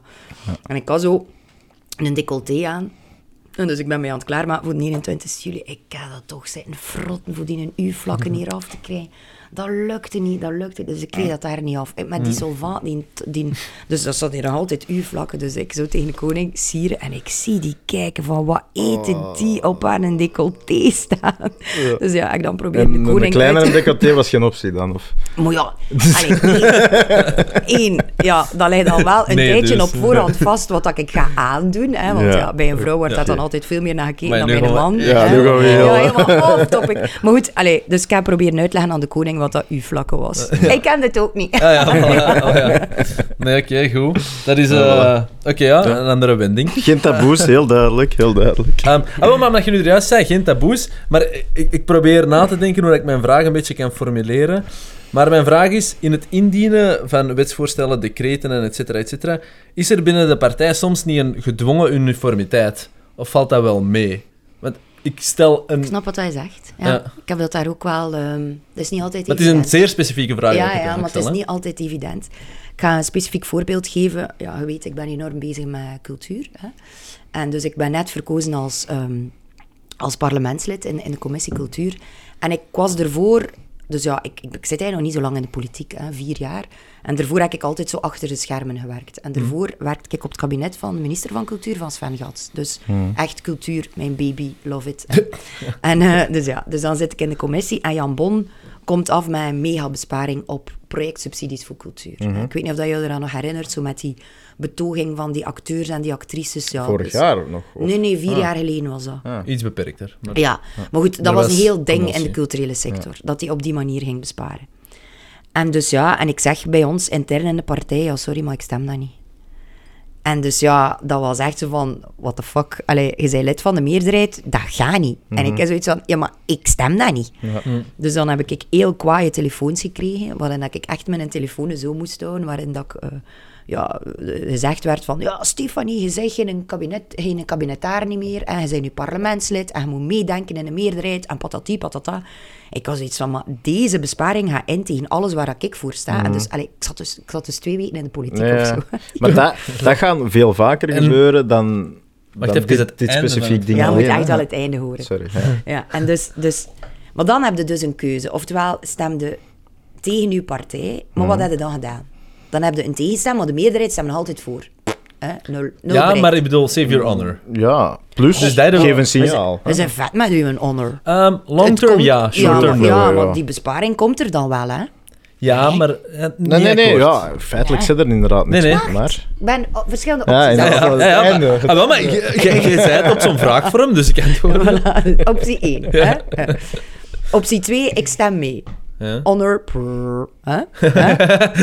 En dan heb ik weer opnieuw gekozen. Ik heb het nogal voor de derde weg. Hè? De derde weg. Gelukkig kende ik die begroting van voor en van achter, omdat ik eh, er lang op gewerkt had. Dus dat heb ik gedaan. Dus het was commissie. Jan Bon komt met zijn besparingsvoorstellen. En ik vraag de schorsing. Ja, consternatie alom. dit en dat. Ja, pers daarop. Oh, want dat vinden ze dat wel tof. Hè? Eh, Pers vindt dat dan wel leuk dat er hè, een lid van de meerderheid zoiets heeft van no fucking way. Hè? Dus dat heb ik dan gedaan. Ik heb dan in dat weekend echt zitten studeren. En Jan Bon had dus een aantal middelen dat hij zo wou vergaderen. Dus ik heb dan echt zo door die begroting ben gaan van... Kijk, dat kunnen we hier schrappen zonder een dien en dien en dien daarmee pijn te doen. Dat kunnen we zo doen. Dat, en dus echt zo verschuiven van budgetten, van termijnen, van dit en dat. Dus je hebt eigenlijk volledig herzien op wij. Ik heb het volledig herzien op mijn. Ja. En de week erop was dan opnieuw commissie, hè, na de schorsing dan. En dan gezegd van, kijk, luister een keer, een half uur. en dan ben ik begonnen, als je dat schuift naar daar, als je dat schuift naar daar, dan kom je eigenlijk tot het bedrag dat je daar wil besparen, zonder... Want projectsubsidies, dat ging vooral rond jonge kunstenaars. En dat is nu net... Dat is waar dat begint, hè. Dat is heel uw microcosmos van cultuur, dat je anders zo ging kapot maken. Ja. En dus ik stel dat voor. En wat dat fantastisch is, zegt Jan, Jan, Jan Bon op dat moment... Great minds think alike, we gaan het zo doen. En Maar... dan heb ik een amendement op die begroting kunnen indienen. En hebben we dat gestemd, is die besparing niet doorgegaan. Heb ik mijn onder kunnen houden en hebben we die besparing kunnen tegenhouden. Goed gedaan. Hè? Dus eh, sowieso chapeau voor, eh, voor uiteindelijk je bericht niet los te laten en te zoeken naar de weg. Maar hoeveel in die situatie maken de keuze om zoiets te doen? Ja, Want dat, dat gaat niet het enigste voorbeeld zijn. Hè? Nee, niet- ook maar- niet binnen een partij. Ik heb dat echt over alles. Hè? Ja, dat is zo. Maar het is de verantwoordelijkheid van elk individueel parlementslid Mhm. om daar die keuze voor zijn eigen in te maken. En ik heb zoiets van, kijk, ehm, ik ga een ander voorbeeld geven. ehm, dieren in de grondwet. De opname van dierenwelzijn in de grondwet. Mhm. Vorige week gestemd in de Senaat. De Senaat heeft echt iets interessants gedaan vorige week. niet Opname van dieren... ja, want dat was wel een belangrijke. Hè? Ja, goed. Mijn partij is daarin verdeeld. Je hebt sommigen die zeggen, joh, maar dierenwelzijn, oh, leuk, maar wat is het?" En ik heb zoiets van, nee, ik vind dat een fundamentele, superbelangrijk. Mhm. Op een bepaald moment heb ik gezegd, nee, oké, vrije stemming. Vrije stemming, maar ben ik wel...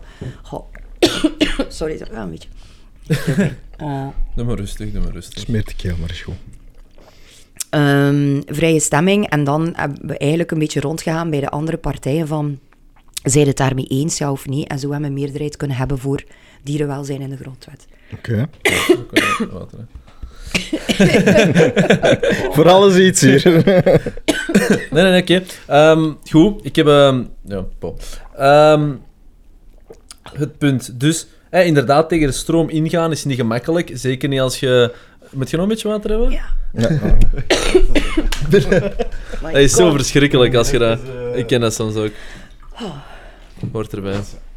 Misschien moeten wij even babbelen nu dan, Ja, hè? maar. Maar ehm, nee, dus oké, ik hoor wel van hè, tegen de stroom ingaan, niet gemakkelijk. Natuurlijk goed om te horen dat er in zekere mate wel ruimte is als je met goede tegenvoorstellen afkomt, dat die nuance op in zekere mate gevonden kan worden. Hè, dat je niet zomaar een ja of nee moet accepteren. Maar ehm, ja, de, de vraagstelling die ik had is natuurlijk wel dat er binnen partijen vaak extreme uniformiteit is. Niet zozeer in ideologie of, of denken, maar wel in uiteindelijk stemgedrag. Hè, dat, dat vaak toch wel... ehm, Mm. mm, zeer eenlijnig eh, eh, tot, tot stand komt. Eh, maar oké, misschien, eh, misschien iets gedetailleerd voor nu. Misschien open vraag eigenlijk. Ehm, ja, uiteindelijk... Ja, oké, we zijn nu toch kei hard persoonlijk eigenlijk bezig. Wat ziet je voor jezelf eigenlijk na voorzitter Senaat? Goh, ik weet het niet. Ik zou vrij minister van Cultuur zijn. Ja, ja, ja. Oké. Ah, dat is wel ambitie dan. Ja. Ja, ik kan dat ook niet onder stoelen of banken steken. Nee, maar dat mag. Nee, nee, maar dat mag. Ik zou dat ooit in mijn carrière zou ik dat heel graag een keer kunnen doen. Ik kan dat volgend, volgende keer. Maar je wilt nog even in de politiek zitten. Dat. Maar ja, Ja. kan niks anders. Ja. nee. Oké. Nee, als ik niet in de politiek zit, wil ik op de andere manier de wereld een beetje mooier maken. Ja. Ik heb ook een diploma, een diploma visagie. Ah ja, Als ik gewoon visagiste word. Oké. kan ook. Nee, nee, nee. Nee, ehm, ik weet het niet. En misschien dan, oké, maar interessant, cultuur. Ehm, tell me something that could be done. Ik bedoel, wat is een interessant thema dat vandaag misschien te weinig besproken wordt binnen de sector, waar dat we Maar- meer aandacht mogen eh, Mag ik voor zo wat mogen? sluikreclame maken? Eh, half, maar je moet het oprecht houden. Heeft, hè, dus reclame, heeft- heeft maar wees ook de daar eh, jezelf. budgetten voor? eh? Ja, 19 november komt mijn boek uit. Ah, ah ja, Ja, ja, ja, uiteraard, tuurlijk. ja, tuurlijk, tuurlijk. tuurlijk. En het is een boek over cultuur. Oké. De titel is The Art About Giving a Fuck About Art. Oké. Ja, ja, dat, dat is Ja, een ja, ding een op beetje merk, connotatie van Art About About Not Giving. A Ja, Fuck, ja, ja. Ja. Oh. Oké. Dat is een beetje mijn levensfilosofie. En waar is het Art pleidooi? About Not Giving a Fuck. Pleidooi is eigenlijk... We hebben corona gehad, waarin dat eigenlijk ja, iedereen zoiets had van... ach, ik had corona niet overleefd zonder cultuur. Dat is zo, hè. Eh, Dat was echt zo... ah, had ik... eh, Goh, ik hoop dat mensen dat ook overleven zonder cultuur, maar de rol van cultuur is belangrijk in een samenleving. ja, hè, we hebben En ik kan allemaal- gerust nog een minuutje babbelen als je even moet drinken. Ja, we hebben allemaal hè, een goed... Gaat er iemand een muntje of zo? München. Eh, nee, ik ga je daar helaas schuldig moeten blijven. Een chic? Ja, Ik kan... eh, Wacht. Ah, nee. maar misschien moeten... Nee. We zijn een beetje richting einde aan het gaan wel, Ja. maar Maar het, ik hou het wel nog even vol. Het ding is... nog Ga ik nog een kleine 10 minuten Ja. wel. ja, maar we mogen niet onder het uur gaan, dat is onze ideologie. Ja, sorry. Ook al val jij hier dood, wij gaan blijven opnemen. wilde mij daar reanimeren. ja, we zullen nu reanimeren. Dus het ding is, we hebben allemaal een goed boek gelezen. We hebben allemaal naar Vlaamse series gekeken en dit en dat. En dat heeft er ons wel voor een stuk doorgetrokken. Ja. Ja. Ja, mensen zaten aan hun raam gitaar te spelen en dit en dat. Dus ineens zag de bevolking de meerwaarde in van cultuur. Mhm. Corona is voorbij. En dan moeten we weer opnieuw zo uitspraken lezen van... Het zijn allemaal een bende subsidieslurpers. Hè. à la Reggie, die dan zo van die zaken zit te zeggen. Ik word daar gewoon heel kwaad van. En dus eigenlijk is mijn boek een pleidooi van... Iedereen doet dan cultuur, je beseft het gewoon. Oké, Eh, ik vind dat een heel interessant statement. En uiteindelijk, ik heb daar zelf wel een mening over. Laten we gezellig hier allemaal hoesten. Ehm, Zeg maar uw mening. ja, ja, maar ja, ik zal ze dan uitgebreid zeggen. Nee, zo uitgebreid is ze niet. Maar in zekere mate, eh, we hebben dat argument nog wel eens een keertje gemaakt, maar cultuur heeft een toegevoegde waarde voor de samenleving, ontegensprekelijk. In welke mate dat, dat is, daarover kunnen we allemaal discussiëren. Het is een spectrum, maar eh, in essentie fundamenteel ja. Vroeger, in een ander soort eh, economisch model, als je het zo licht wilt uitdrukken, werd dat voornamelijk gesteund door een soort van mecenaat, Ja. waarin dat voornamelijk aristocraten of, of zeer rijke individuen of families eigenlijk dat voornamelijk steunden. En voor de rest was het vrij moeilijk, moesten voornamelijk creatief zijn in een zeer praktische job. Hè. Maar dus heel hard op dat culturele. Ik vind dat wel interessant dat dat in zekere mate gesteund wordt vanuit de samenleving. En is ook minder commercieel georganiseerd, alhoewel ook, ook daar is een nuance te maken. Dus dat daar een soort van stimulans is, ja, maar tot in hoeverre moet die stimulans er eigenlijk voor zorgen dat iets niet levensvatbaar zou zijn, moest dat er niet zijn, versus het is een goede support om waar dat misschien net op die rand zit, het comfortabel te maken en mensen te stimuleren om die keuze te maken omdat het een belang heeft. Juist. En dat vind ik toch wel een belangrijke nuance, tot waar moet de subsidiecultuur dan ehm, gaan en waar moet je ook durven een grens trekken. Want er worden vandaag waarschijnlijk artiesten gesupport die eigenlijk niet supported zouden moeten zijn. Waar dat bij anderen net wel dat het stimulans was, eh, of gaf, om door te groeien. Hè? Dus Ja. je moet een risico accepteren wanneer er een, een minimaal misbruik is. Dat is bij elke subsidie en et cetera, et cetera. Maar je wilt wel zien dat het altijd zijn effect bereikt. Dus waar stimuleren we... Nee, eh, die vraag is te extreem. Maar ik bedoel, hoe schat je die balans vandaag zelf in? Zijn we vandaag aan het oversubsidiëren, misschien dan in sommige gebieden, en soms aan het ondersubsidiëren en in Ja, general? zeker. Dus, Ja. Ja. Wel, die, die vragen beantwoord ik eigenlijk in het boek. Hè.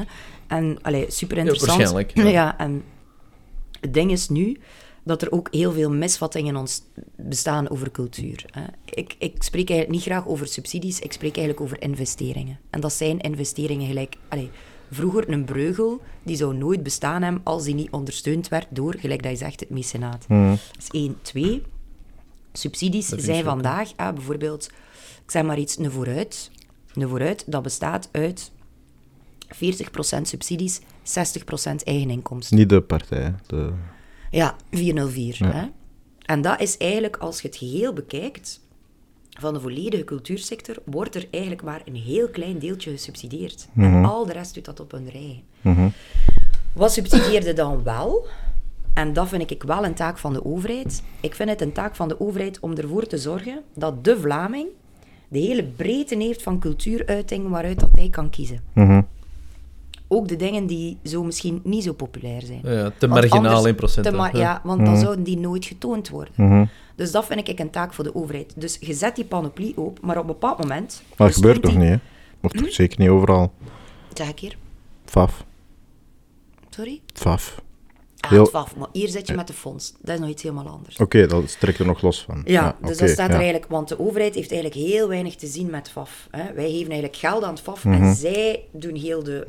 daar is er inderdaad... Hè. Maar als je het bekijkt van de subsidies dat de overheid uitdeelt, hè, dan proberen wij echt die panoplie te doen van populaire cultuur, heel weinig, want dat is heel vaak commercieel, tot heel moeilijke cultuuruiting. Moesten bijvoorbeeld een opera niet subsidiëren, dan kost dat 800 euro voor een kaartje. Mhm. En ik ben nu ook geen grote fan van opera, maar ik vind dat je dat wel moet kunnen tonen. Ehm, en dus dat is de taak dan van de overheid. Maar op een bepaald moment moet je als overheid wel zeggen... Dat is oké, doe maar zo. Ja, Moet je, op een bepaald moment moet je als overheid wel zeggen van... Kijk, je zijt nu die een kaap door. eh, je zijt commercieel genoeg. Je hebt je eigen inkomsten. We leave you. En dan is... Allee, it's, it's up to you dan, eh, op, op, op dat moment. Eigenlijk, lijkt een tuinman zijn Wat niet meer als die logisch is, geen- ja. Wat dan niet meer als logisch is. En dat is dan ook wel het verhaal dat ik zoiets heb van... En dat vind ik dat wij als overheid veel te weinig in doen is dat stimuleren bijvoorbeeld van die mecenaten, dat stimuleren bijvoorbeeld van tax shelter, hè, Mhm. waarin dat bedrijven kunnen cultuuruitingen kunnen, eh, kunnen subsidiëren, dat is er echt absoluut nog een onontgonnen terrein eigenlijk om, om, om, om daar in die cultuursector te kunnen ondersteunen of, of, of te investeren. Maar dat beginduwtje, sorry, dat moet wel komen van die overheid. Court. Allee, sowieso, Ja. om, om Mhm. al die cultuur Ik ben het daar niet per se mee eens, maar ik denk wel dat een, er zeker een goed argument voor te maken is. Ook daar moet dat duwtje van daaruit komen. Goh, dat weet ik niet. Ik ben er zeker van dat toppers Anders sowieso ook zonder dat ik overleefd. Sorry? Anders gaat het nooit bestaan. En de interessantheid ervan is dat wel bestaat. Ja, of je hebt Wat die denk je- prachtige individuen die echt al de sacrifice snappen voor hun kunst en daar naartoe leven en uiteindelijk Het is een harde wereld, maar dat heb je op alle niveaus. Langs de andere kant, zoals ik zei, ik ben niet het extreem van niet. Hè. Ik wil Ja. maar gewoon zeggen, moeten we de start stimuleren? Mm. Daar is ook een nuance Wat ik te wel maken. merk, is eh, met een creatieve Ja. ziel, je kunt de combo niet hebben. Ik, ik zie het heel of heel zeldzaam. De combo, creatief, echt heel mooi, kunstenaar. Ja. En admin-wise of sales-wise, Absoluut. dat is gewoon Zo niet te combineren. En het is, het is dat onderdeel dat ze eigenlijk missen, waarvoor dat die subsidies eigenlijk Ja. moeten dienen. Om daarin bij te staan, om dat eigenlijk die push inderdaad te geven, om dan eh, verder te beginnen leven. Ja. En dat zie ik wel. Dat, Ja. dat vind ik, ben ik wel mee akkoord. Ja, Omdat je niet zo gezegd sales genoeg georiënteerd bent, moet de overheid je ondersteunen. Ja, als ik een andere job doe waar dat misschien ook wat die kwaliteit vereist, of ik Ja. start morgen een bedrijf, maar ik ben niet sales genoeg, Maar wat geef mij ik dan ook daarin, geld. Wat ik daarin zag, geef in kunstopleidingen de mogelijkheid om hen er daarin te oriënteren. In een Mhm. kunstopleiding wordt heel veel de focus gelegd op het artistieke. Yeah, Mhm. right. Maar eigenlijk wil ik ook dat ze met hun kunst later kunnen leven. Hm. Ja. En dan vind ik ook dat kunstenaars daarin wat onderricht moeten kunnen worden van Ja. hoe, richt ik, hoe richt ik een vennootschap op? Ehm, hoe, hoe kan ik als zelfstandige overleven? Ja, maar je hebt hoe zit dat met zijn- student-ondernemer toepassingen, te koer over eigenlijk en- alles. Hè? Ja, maar, in, cu- in de, ja oké, maar, dat is een, maar binnen de cultuursector bestaat dat niet. In de cultuursector zou er een onderdeel van een curriculum moeten zijn. Ja. Management, Ja, welcome to life, hè? Welcome to real Ja, ja, ja, exact. maar Ja, dat ja, ja, maar te ik denk dat we daar alle drie die over akkoord zijn. poep, poep, poep. Maar het is Nee, nee. Natuurlijk, en life dus ze verdient, ja, en ze verdient zout op hun patat niet. Mm. Maar dat is dan een enorme... Ze verdient zelfs de patat nog niet. Mm. Allee, dus, en dat is echt wel de basis van onderwijs, om dat daarin te voorzien. En dat is nu niet zo. Nee. En dat is een beetje dus ook weer hier een genuanceerd verhaal. En niet het verhaal van ben de fucking subsidieslurpers en stop ermee en, en, Mhm. en doen een echt een job. Ja, maar dat is ook weer waarschijnlijk nog voilà, wel, En ja. daar verzet ik Maar me. het- het is een spectrum, hè. one-liner waar Het is dat een heel veel mensen zich achter Ja, zetten. maar hè. mensen zitten zich altijd achter one-liners. Doe er ene en je gaat mensen vinden die Ja, het ja, geweldig tuurlijk. Ah, wel, Ja. one-liner. Het zijn geen subsidies. Ze gaan er niet achter zetten. ja. Maar, eh, maar nee, nee, nee, maar ik denk dat het belangrijk is om dergelijke thema's te nuanceren. Nu, uiteindelijk, om daar misschien nog heel rap op in te zoomen en dan gaan we Ja, je het is stem eh, voorbij, terug dus sparen. maar. Ah, het is oké. voorbij. We Ah, gaan nog drie uur gaan. Voilà, het is wel. maar, eh, ik maar ben blij dat je dit eh, overleeft zonder reanimatie. Had nogthans ook interessant Vijf uur s geweest. ochtends is daar max, heb ik u er juist begrepen. Ah nee, acht uur waren het thuis. We kunnen toch tot acht uur s ochtends doorgaan. Oh, Dat was het thuis op de Gentse. En ik word alleen maar beter met de jaren. dus. Ah, voilà, voilà. We kunnen al half negen pakken. Zo. Ehm, maar, ja... lo- ja. Oké, ik, ik weet niet... Dit is echt een van de... Op topic. We proberen hier inhoudelijk te gaan, maar het Maar lukt dit is Discord half. met de boys. Nee, ja, fair.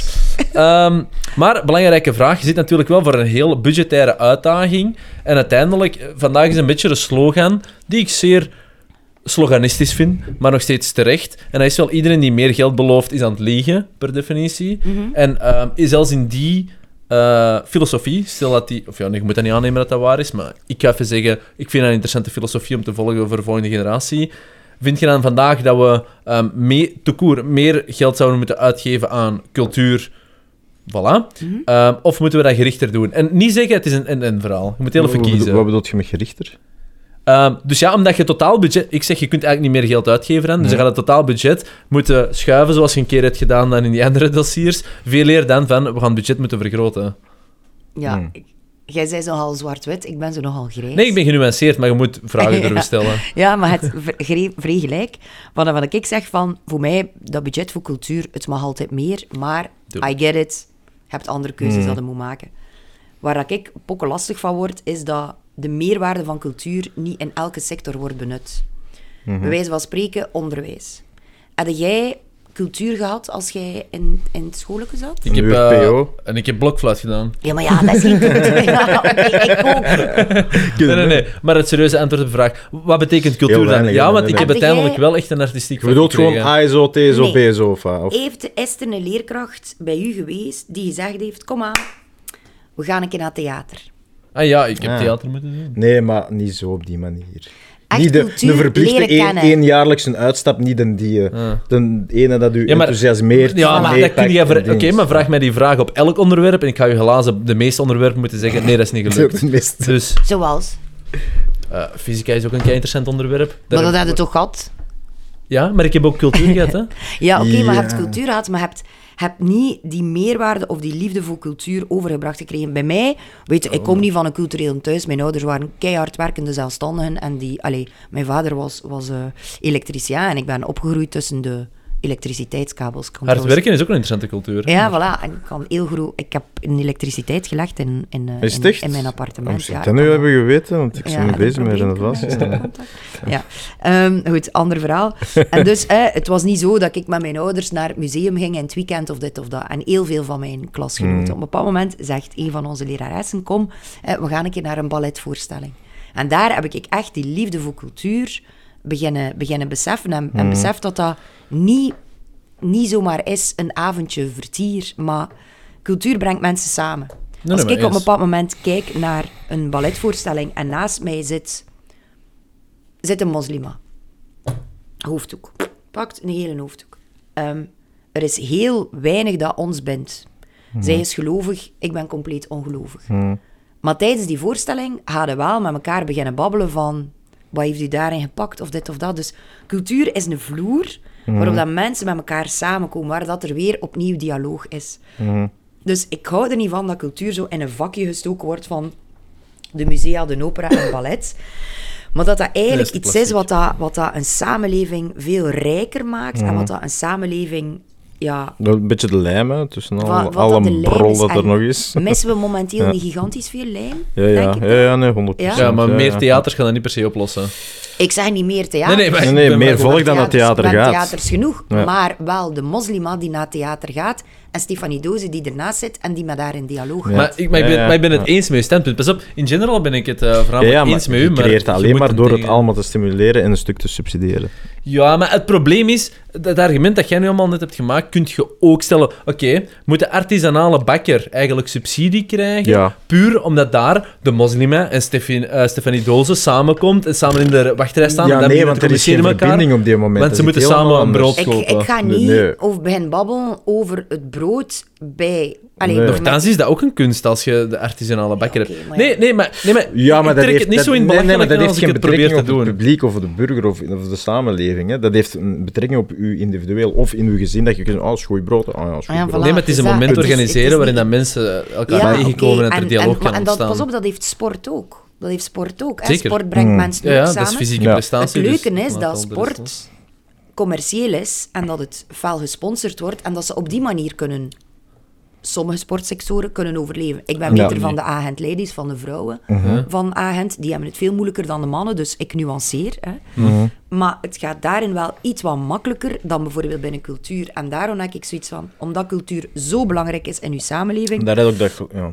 Zoekt u verbindingen met andere beleidsdomeinen en, en probeert daarin gewoon ook mensen ja, voor te enthousiasmeren om, om daarin dan die verbinding en die, die diepgang te hebben. En jij, ik weet, je bent nogal vreed op het economische, dus dat is een beetje het, het filosofische, het, eh, nee, nee, nee, hè, het, het zweverige, kun je zeggen, wat dat ik niet vind, maar wat dat, dat jij misschien denkt. Hè.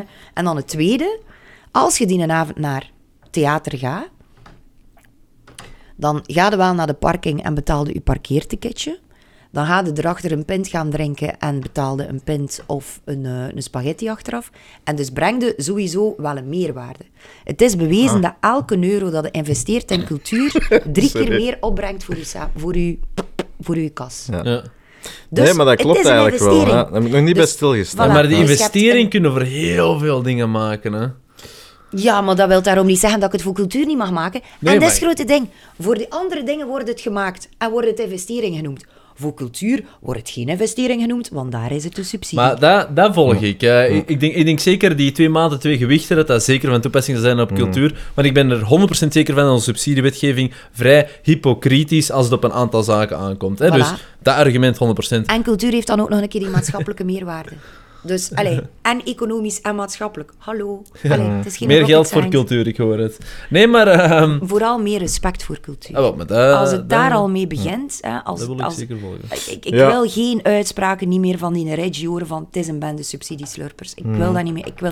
En dat, Dat is eigenlijk het doel van het boek. Maar en inderdaad, Voor de rest wat- kunnen we klappen, hè. Maar Ja. dit is zo fout. Maar wat je er juist aanhaalde, hè, dat admin en dat salesgegeven en dat, vooral dat, die zelfstandigheid, die moet echt ook gestimuleerd worden. Zo ja. Absoluut, want daar, is soms een erger punt bij mijzelf ook. Ja, voilà. Ja, en, ja. en ik babbel ook met beginnende kunstenaars en die zeggen, Stefanie, we don't have a clue Nee. hoe dat we dat moeten doen. Ja. We don't have a clue. Maar het is ook een beetje natuurlijk de verantwoordelijkheid die van die mensen zelf, omdat, want je hebt Google, je hebt, je hebt internet, je kunt dat ook allemaal zelf Ja. opzoeken. En dan missen ze dus, dat moet een beetje gestimuleerd worden, of, want ik snap beide punten, ik zit er Ja. zo wat tussen. Ehm, Doet maar, in uw ja. onderwijs. Sorry? Doet in uw Ja, kunstonderwijs. ja, dat is, Allee. dat is sowieso al een goede Onderwijs is ja. vaak...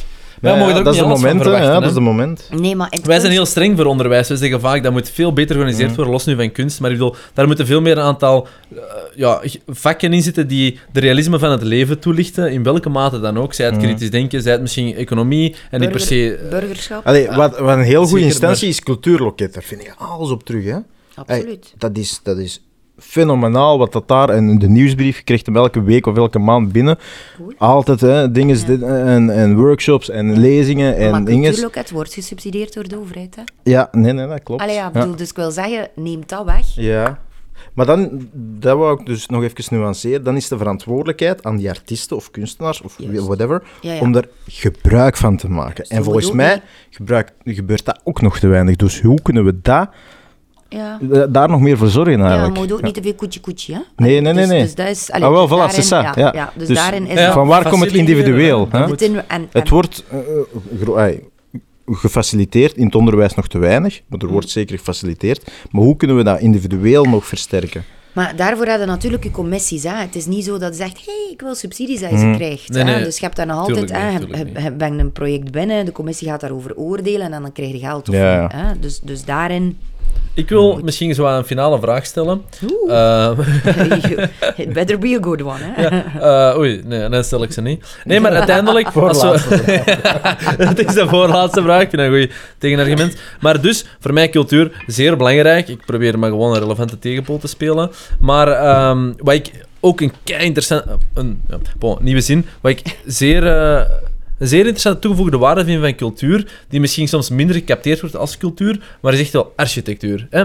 En in die mate, ik vind hoe dat je samenleving bebouwt, letterlijk en figuurlijk, ik vind dat daar echt een argument voor te maken is, hoe, wat, wat je ervaring is van de samenleving zelf. Is die praktisch georiënteerd of is die eh, overstijgender georiënteerd? En er is een midden te vinden, net zoals bij alles, maar ik vind wel daar dat we ook een enorme stap achterwaarts hebben gezet, waarin we vandaag voornamelijk bouwen, maar dat is, zo'n- dat is, dat is een typisch een conservatief standpunt, terwijl ik mij daar helemaal niet in kan vinden. Maar ik bedoel, de ideologie erachter van, we bouwen vandaag enkel nog voor overleving, en gewoon hier heb je vierkante meters voor het te doen, zo efficiënt mogelijk, waarop dat heel onze maatschappij georiënteerd is, hè, want wij pleiten ook voor een efficiënte overheid en et cetera.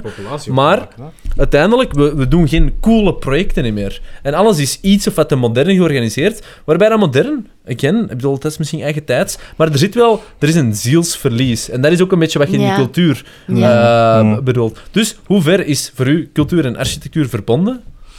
Maar op zich, architectuur is... Allee, wanneer we bezig waren Ja. over investeringen en subsidiemodel, dat is een compleet ander model. Ja, ja, ja, sorry, ik heb even Dus, misschien maar het... het heeft eh, alle twee te met de maken met abstracte... schoonheid. eh, ja, Het heeft alle twee te maken met schoonheid. En ehm,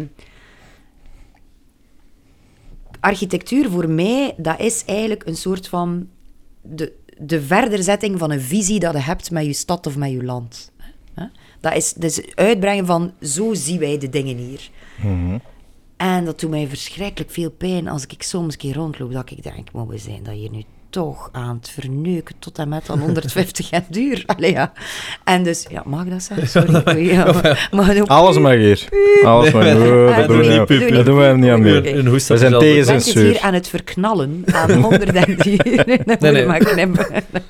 Ehm, Nee, maar ja, je loopt soms. ja, en, en, en dat, vind ik, dat vind ik zo Hmm. spijtig, dat er, dat er zo geen, geen visionariteit niet meer durft Maar dat is zijn, inderdaad een beetje meer- de weerspiegeling van. Hè. Je zit met die overpopularisatie. Je zit met eh, budgetten of van Ja. inderdaad. En dan moet het inderdaad, oké, aan een, Ja. vlakke witte muur. Juist, That's it. Of een vlakke zwarte muur, whatever. ja. Hey, het minste dat je daar architecturele eh, beeldjes of Kost sieringen in, het kost allemaal meer geld. Ja, en absoluut. We zitten nu We bouwen eenmaal, geen hè. nieuwe kerken, hè? En dan bedoel ik niet letterlijk de christelijke Ja, de kerk, maar het, we ja. bouwen geen monumenten Oké, meer, die niet zo abstract zijn georiënteerd. Langs de andere kant, in Soms- Middelkerken zijn ze er ook een baai aan het zetten dat ook nog wel iets of wat architecturaal knap is. Hè, bijvoorbeeld hè, dat nieuw casino met eh, Ja. de faciliteiten, bijvoorbeeld. ja. Maar wanneer Dus het is is er nog we- wel, die grote dingen. Maar, Maar over zijn algemene algemeniteit, Wat, van de stadshal hier? Nog nooit geweest. Hij is hier op twee minuten met de fiets van. Ja, ja. Aan, aan, aan... Waar dat ze nu aan het renoveren zijn, daar aan het Zuiderpark, nee. Nee, nee, nee, Nee. Hier aan het stadhuis, de stadsschal, de Ja, ik, schaapstal. ik ga het echt Ja. schuldig moeten blijven. Aan het Stuitpark hier toch, of niet? Nee. Nee, nee, naast het stadhuis. We- duidelijk kunnen we het Ja, beide niet nee. situeren, maar we doen schaamte aan... eh, Ja. We zijn Cultuur. nogmaals maar, geen... geen. Gentenaren, Dus hè, we al Ja, ik, had echt willen Wacht, hè, we hebben al terugbelaten. burgerparlementen, komt op bezoek in de Senaat. We gaan een Irish koffie op de Gentse feest. Allee, uw vlakken vooral. Maar we, we, Maar dan gaan heel jullie het jaar moeten architectuur volboeken. We moeten gaan, eh, tonen. We gaan echt wel board minutes moeten opmaken. Ja, Wel, eh, maar echt... Allee? Nee, maar dus... ja. Sorry. Ah, dus, ja, dus, dus, de, dus wat was het ding? Hè? Dus naast het stadhuis was er eigenlijk een publieke park. Ja. Die parking dan moet weg, want die auto's naast dat stadhuis trekt of niets. Hè? Komt een nieuw verhaal en ze hebben daar eigenlijk zo in een nieuw concept een middeleeuwse stadshal geplaatst. Architecturaal, pareltje. Bevolking, bah, wat is er? Ik ben zo blij Niet dat dat akkoord gekomen met- is. de Totaal bevolking was niet akkoord. Ah. Totaal In niet, welke stijl is het? Eh, het is een, een middeleeuwse... Had dat vroeger, hè? Hadden zo die middeleeuwse dan, of? fora, waarin dat elkaar zo ontmoeten op het, Ja. op het, op het middenplein, eigenlijk. Ja. Maar in een nieuw... eh, het is Rob Recht en Daam die dat gedaan heeft. ja. Maar in Dat een, in een nieuw... In een nieuw Ja, concept fris gezet. jasje. ja. Dat is Ehm, vaak dat fris jasje. Maar ja, je moet wel vernieuwend terug Voilà. zijn. Hè. In het begin zei de Gentenaar, echt waar, jullie zijn zot. Wat, wat, wat hebben jullie daar gedaan met dat stadsbestuur? Mhm. Nu, iedereen loft, maar ze lachen er wel mee, want iedereen zegt de schaapstal. Hè? Want het lijkt een beetje op een schaapstal, hè? Oké. Maar het is de max architecturaal en het is knal in het centrum. Tussen, de, de, tussen Belfort en tussen de Sint-Niklaaskerk en tussen het stadhuis. Dus tussen al die middeleeuwse gebouwen heb je daar die stadshal, nieuw architecturaal, bam. En dan denk ik, ha, ik ben toch nog trots op mijn stad als ik dat zie. Oké, Allee, dus als ik uw eh, mening mag samenvatten, er zijn zeker wel spuigaten. Het is misschien vandaag niet allemaal zo geweldig, maar er leven ook nog steeds projecten die de- wel die, eh, dat idee eren. Van- Over architectuur? Ja, Ja, ja, ik dacht over ja, heel het gesprek. Ja, Ja, absoluut. ja, Ja. of over heel het gesprek, maar ik Ja. bedoel inderdaad... Oké, nee. Ja, het is ook gewoon de evolutie van de maatschappij. Hè. Materiaal dat gebruikt wordt. Ah, middeleeuwse kastelen dat in van die mega blokken werden gezet. Ja. Ja, dat is gewoon niet efficiënt. Of dat is... hè, dat, Dat materiaal. Alles moet niet meer productief of efficiënt Nee. zijn. Dat is ook de roep voor cultuur, per definitie. Nee, hè. maar toen was dat wel het meest efficiënte of het, het makkelijkste. Of, en daarmee dat het er zo uitziet. En binnen zoveel jaar gaan, gaan die een blanke witte muur, eh, gaat er dan ook weer zo... Ah, dat is iets oud. Ja. Dat evolueert Ja, gewoon. maar hè. dat Dus ja, oké. We zitten een beetje in de, Ah, depressie zou- van de eigen Ik zou tijd. zo Dus, terugkomen, zo binnen 300 jaar of zo. Wat Oh, maar dat is, zo Ja. dat is het ja. enige sunte aan eh, doodgaan. En dat is gewoon, je kunt niet meemaken waar het de mensheid, of waar het de mensheid naartoe gaat evolueren. En Vind dat dat is- het enigste stomme aan doodgaan? of ik vind het meest interessante aan mens zijn. Dat is Ah. misschien een... eh, Het ergste aan doodgaan vind ik, en moet ik hierover nadenken, oké. ik ben benieuwd. dat is het enige in uw leven wat dat de verplicht bent om alleen te doen. En ik heb een fundamenteel probleem met alleen zijn. Ik, ik Ja, ja kan, oké, ik maar kan dat niet is alleen zijn. verlatingsangst eh, Ja. per definitie. Bah, vol. Maar dat is toch niet waar? Sterven, sterven kunnen toch ook niet alleen doen? Jawel, want er is een Op een proces... je- sterfbed met je familie naast u. Dat is toch niet alleen Ja, maar je sterven? bent nog steeds geïsoleerd, de- want je de gaat zelf door de mentale... Als de moment dat je afscheid neemt, Hm. naar doodgaan, dat doe je wel alleen. Ja, je zit letterlijk in je eigen hoofd als je lichaam faalt. je Ja, ja, ik weet dat niet. Bij sommigen wel, bij sommigen niet. Hè? Tuurlijk wel. Je zei al, ze gaan niet mee dood met jou. Nee, nee, oké, maar ja, ja, oké, maar maar, dat is in de veronderstelling, dat is in de veronderstelling dat je naar ergens een volgende je bewustzijn meepakt naar een volgende plaats. Wow, Ja. dan zit het op andere Ja. golflengte. hè, Maar voilà. snap je- Ik geloof niet in dat bewustzijn dat dat blijft Ja, voorbestaan. dat, dat dus weten we voilà. niet. Maar het ding is, is, ik ben gewoon Oh ja, maar bang voor daar- de, daar- de stap alleen. Ja, ja. En is het enige, Oké, hè. En snap al dat de rest kun je Ja. samen doen, hè. Alles kun je Ik samen vind het doen, zunste, ik vind het zotste dat je Ja. nu ehm, uiteindelijk een heel concept hebt opgebouwd van wie of waar je bent, je snapt de wereld, je, jezelf, je, je bent het helemaal aan het opbouwen en op een bepaald moment gaat dat nooit niet meer bestaan. Dus alles wat er nu is, zelfs denk de dat, ik denk menselijke dat Stefanie ervaring, daar niet in gelooft, wel? Is ook voor altijd gedaan. Jawel, want her- herinneringen zitten in onze hersenen, taal is gebonden aan Ja. ons, dus stel dat er leven aan de dood is, alle mechanismes wa- wat wij nu bewustzijn noemen, gaan op die manier niet verder bestaan. Hmm. Dus hey, per definitie, je, ge- je geheugen, je memories verliest je. Maar dat is gewoon... Maar niet, niet, Ja, sorry, maar als je in God en de hemel gelooft, dan leef je daar verder met alles wat dat je dat Ja, gebruikt. maar dat Sorry, is gewoon moeilijk te onderleggen. Maar bon, Mm. zelfs die, die filosofie... Nee, nee, niet. akkoord. Maar Oké, maar stel dat je in de hemel zit, zit je nog steeds niet op aarde. Dus het is gewoon sunt dat je zo heel het concept van wat je zelf Ja, opbouwt moet loslaten. Ja. En dat dat je ik nooit niet kunt zo zien waar het erg. naartoe gaat. Of vind je het niet zo erg? Ik zou gewoon nieuwsgierig zijn. Zo van, goh, hoe zou het nu nog zijn? Maar ik vind dat niet zo erg. Nou ja. Als je in je leven... Ja, maar ik ben echt zo... We zijn ook richting einde. Hè. I'm, I'm living... Ja, letterlijk en figuurlijk. Hè. Ehm, I'm- Ja, met die hoester juist. eh. bij mij, I'm living the most. Allee, ik ben echt zo iemand... Ik drink elke dag. Allee, niet... Allee, maar, dat kwam heel fout over. Hey, je wou er juist reclame maken voor een boek. ik weet niet of er zorgt dat deze reclame Ik weet ook is. niet wat je punt is dat je wat maken. Dus maak het gerust even opnieuw. Maar, Stefanie Doze, ik druk elke dag. maar chance dat hier niet een standaard eh, media-ding is, want gaat het Die vlak. journalist dat hij een andere foto heeft gepakt en had Maar- content Ja, Oké. Pipigate, heel... Nee, nee wat, ik mee, Oké, maar- wat ik mee wil zeggen is... Ja. Ik, ik, ik, allee, ik proef elke dag... Ik, Oké, Ik- je leeft het ik- leven elke dag. ik leef het leven Ja, elke dag. voilà. En dus ga ik het niet erg vinden Carpe als diem, het hè. op een dag zou stoppen, omdat ik er gewoon alles uithaalde wat dat erin zit. Nee, ja. Mm, mm, mm. ja. Ja, ik vind Maar ja, het is we leven? doodgaan, maar de egocentriciteit van de mens is... Hey, je zegt, ik leef elke dag, maar wat, be- wat bedoelt je met ik, ja, leef? ik amuseer mij dood in alles wat ik doe. Ja, dus het amusement is voor u dan eigenlijk het doel van het leven ook. Ja. Ja, Ah, ja. Oh, ja, maar dat is ook weer verschillend voor mensen. Ja, ja. Ja, ik ben het daar niet mee eens. eh. Nee? Nee, ik vind het... Ja, maar dat is- maar, ja, maar, ik- maar ik ben Maar wat is, vrij er, wat is voor u cynisch. het doel van het Maar leven? ja, wel, het probleem is, ik heb dat niet. Er is... maar, dat is echt, maar je voelt aan de zwaarte waarop dat gaat zei, dat dat een heel ander nee, gesprek je is. had dat, en afgelopen jaar is dat een beetje verdwenen. Ik heb omdat gewoon er de realiteit niet meer onder verder in ogen moeten gelooft. zien. Voilà. Maar uh, Ja, dat maar oké. soundwaves op... eh, we gaan, eh, we gaan sowieso afronden, denk ik. Maar, Nee, ehm, maar ik wil altijd een keer met u maar dat werkt niet. Het probleem is eh, dat ik daar heel goede argumenten voor heb. Maar, ehm Stefanie. Ja. zeer Hoe noemde je gezellig. die niet meer? Nee, nee, nee. Ik was gewoon van, wat gaan we hier doen? Ja. Maar ik denk dat het misschien gezond is om af te ronden. Ik heb gehoord dat je nog meetings hebt. Ja. Dus eh, het zijn toch lange dagen op die De manier. opening doen van een eh, vernissage. Ah, dat valt goed mee. Welke... Fijn, hè?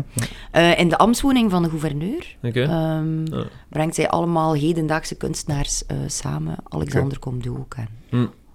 gaan we daar een beetje over kunst babbelen. Oké, ja, we zelfs perfect. Dat is eh, within your playing field. Ja, voilà. Dus eh, nee, goed, om, eh, om toch af te ronden. Dank u voor, eh, voor uw tijd. Het was een keiplezant ja, gesprek. ja, het was heel tof. Heel aangenaam. Ehm, veel succes. We zijn ik dan ben... waarschijnlijk bij elke gast, maar oké. nee, ja, we zeggen dat misschien, maar we deden dat niet. Ah, nee. Ja, is- een politiek. Het is, het is gemeen. Arno is veel dingen, maar geen politiek. in. Maar het is zeker Ik zou gemeen. een keigoeie politieker zijn. Zie je? Hij met zijn Ja, ja, hangt er vanaf welk doelpubliek dat je beoogt. Maar ehm, opnieuw, het was eh, zeer eh, zinvol. Ehm, we, er zijn veel weddenschappen afgesloten, dus benieuwd hoe dat die gaan eindigen. Ja. Maar als Maar voornamelijk komen we eens een keer naar de Senaat kijken. Ja, doe Ja, dat. en veel Ja. succes met eh, eh, de impact die je wilt hebben op cultuur. Hè. Ja. Zij het door het Ik minister. ben heel benieuwd, want je hebt nog een paar maanden, dus eh, er gaat veel gebeuren dan. Maar niet alleen cultuur, hè. Alleen, ik Nee, nee, maar ik heb dan complexe over, partijen. Senaat gegeven, hè, ja. samenleven. Ja. Ah, Oké, mag ik nu nog rap een laatste vraag Ja. stellen? En noem mij even leek, dus bekijk me even zo. Waarschijnlijk doe je dat al, maar bon. Maar, ehm, en dat is, ehm, is die kans groot? Want ik kan me wel inbeelden, gewoon even praktische realiteit, op een VLD, let's be real, peilingen, zeer complex. Mhm. Is dan de kans groot dat je daar geraakt, puur door die Ah, kiesafstand? ja, ja, zo, minister cultuur. Ah, Ja. Er is natuurlijk behind-the-scenes lobbying, hè? Ik Ja, ik weet hadden het, mij maar- drie jaar geleden gezegd, je wordt senaatsvoorzitter, dan ging ik heel hard gelachen hebben. Ja, tuurlijk. Mm. Dus het ding is, is van een politicus, je weet niet waar dat de toekomst u brengt, dus fixeer je daar ook niet op. Hm. Dus ik heb ook gewoon zoiets van, ik zou dat graag doen. En ik heb daar mijn mening over. Word ik dat niet, dan ga ik nog steeds mijn mening hebben over cultuur. En ga ik, Ja. wat, in welke job dat ik ook zit, ga ik altijd... zal zich wel uit. Ja, het is beleidsmatig of activistischer. Ja, ja. En dan Voilà, afhankelijk van de we. Misschien zelf. Ja, oké. Misschien nog een allerlaatste vraag dan. Ehm, stel, er is één ding dat je vandaag aan de wereld kunt... Nee, praktischer, België of Vlaanderen kunt veranderen. Wat zou je doen? Maar zoiets kort. Je mag organistisch zijn. Senaat afschaffen. Nee, nee, maar dat is te... Hier en daar. Iets meer... eh wat je ideologie past. Twitter afschaffen. Oeh. Allee, dat is een gesprek. Ja, dat is een nieuw gesprek waarop ze aan de Ah, zon antwoordt. Ja. Ik vind dat... ik word Twitter specifiek. Als je aan mij dus jij zou vragen- je zou boven... Dus je hebt, je hebt Snapchat, je hebt Instagram, Ja, maar je ik hebt Facebook... Eén, Twee minuten moeten afronden. Eén, ik ben oud. En jij zou X afschaffen. Ja. Wauw. ik, ben, ik ben oud, dus ik heb een- geen Snapchat. Ehm, nee, Nee. het- nee, maar- Ja, wacht maar. het is kort door de bocht, maar je moest mij, ik moest Ja, ja, nee, ja, weer ja. een slogan Maar het probleem is, ja, je ziet, dat triggert ons weer. Ja. Ja. Maar het ding is gewoon dat als je mij vraagt waarom dat ik ooit zou stoppen met politiek, dan is het door de aanvallen dat ik moet lezen op sociale media. En maar zeg dan, En ik dat schaf is op sociale media af. Ja, nee, want ik heb nooit een aanval op Facebook. Ik heb nooit een aanval op Instagram. Ja, Maar nooit lijken me pittige woorden. Iedereen die nooit of altijd gebruikt, moet wat nuanceren. Maar eerder beperkt. Nee, Nee, nee, nee. nee. Ja, nee. Ik kan dat niet accepteren. Ik accepteer geen absolute. Nee, nee. Dus ik kan het niet accepteren, maar oké. Nee, Allee, maar ja, is ik snap het. ja. Maar er is een Twitter is daar wel meer het voilà, kanaal voor. allee, en dat is echt een reden waarop dat ik zou stoppen. Je, allee, één, en ik wil hier nu, nu zo het meisje uithangen, hè, maar hè, er, is wel, er is wel onderzoek naar dat hè, vrouwen 30% meer aangevallen worden op, op sociale media omwille van kunnen. hun uiterlijk, omwille van... Hè, dat is de reden waarom dat Sigrid Kaag in Nederland stopt met politiek, omdat Hmm. hij zegt, dit is huge. Hè. Allee, en er is daar een enorme omerta over bij ons in de politiek om daarover te spreken. Maar de, de doodsbedreiging, de haat dat je moet lezen, Ja. dan heb je wel zoiets van, hé, hey, weet je, waarom doe ik dat nog? Ah, wel, ik, ik wil dat dat tackelen. Ik ben eh, eigenlijk... ehm, ik, eh, ik, eh, ik heb niet veel social media, maar Twitter is Maar we hebben het nog een paar keer gehoord van anderen in de Ja, aflevering. is, is een van de enigste dat ik eigenlijk eh, gebruik. En gebruik bedoel ik gewoon, ik beschouw het als een soort van broadcasting channel. Ik bedoel, het is niet Ja. echt dat ik eraan participeer. Maar, ehm, en ik vind dat wel een zeer interessant kanaal om uiteindelijk zeer veel verschillende stemmen te horen. En ik moet ook bekennen, vaak als je op de comments klikt van interessante profielen, dan is dat... Meh. Maar uiteindelijk, gewoon puur met ons professionele eh, Twitter-kanaal, dus met Discord, volgen we uiteindelijk ja, iedereen die we te gast hebben, zonder, eh, zonder beoordeling, gewoon iedereen. En ik moet wel zeggen, wat er eigenlijk gepost wordt, en de echte mensen die, eh, laten we het even noemen, de echte mensen die interageren met elkaar, ik vind dat een zeer interessant kanaal, want daar zie je eigenlijk best wel wat Dat informatie. is een beetje het je- Oost-België-model online, Dus zonder gewicht. maar ik bedoel... Ja, zonder loting. Ja, maar daar zonder zie je, loting en daar zie zonder je misschien gewicht, dat burgerparticipatie soms Ja. falen zonder Ja, ja. loting Ja, ja, dan. ja. Ja, dat is- dus dat kan ik het wel volgen. Maar ik vind het een Ik- zeer interessant informatiekanaal. Ik post niet meer op Twitter, omdat ik gewoon schrik heb van altijd de bagger die erop komt. Als ik je één een post doe op Twitter, dan is de eerste reactie... Wat, trut, wanneer ga je de Senaat afschaffen? Ja, maar, Allee, ja. ja. Nu, Dat is echt... ah, ja. kan ik volgen, maar dat, dat, dat pleidooi is wel te zwak om Twitter af te schaffen. Het feit dat Ja. u er dan eh, Ja, maar minder dat- positief mee om. Dat, dat, lijkt nu, dat lijkt nu, ah, trut, eh, oké, ik ben there done that. Als Nee, er nee. een gewoon op een privébericht de Kalashnikov naar u stuurt en zegt, bitch, je moet dood. Maar denk je dat die persoon niet per se een Instagram-account zou aanmaken en als jij morgen in Twitter niet meer hebt, daar via zou gaan? Maar oké, ik wil het breder trekken, sociale media afschaffen. Dat wil ik breder trekken. Ja, maar spreek het ik tegen, want een- dat is het enigste forum voor de burger om te participeren in anders een soort van klassieke, traditionele media, waarin dat daar gefilterd wordt. Dus hoe gaat je dan je Ik ga je, ik burgerparticipatie ga je een voorbeeld geven. Oh, Een, een dude die mij, echt waar, die heeft mij uitgescholden voor het vuil van de straat. Mhm.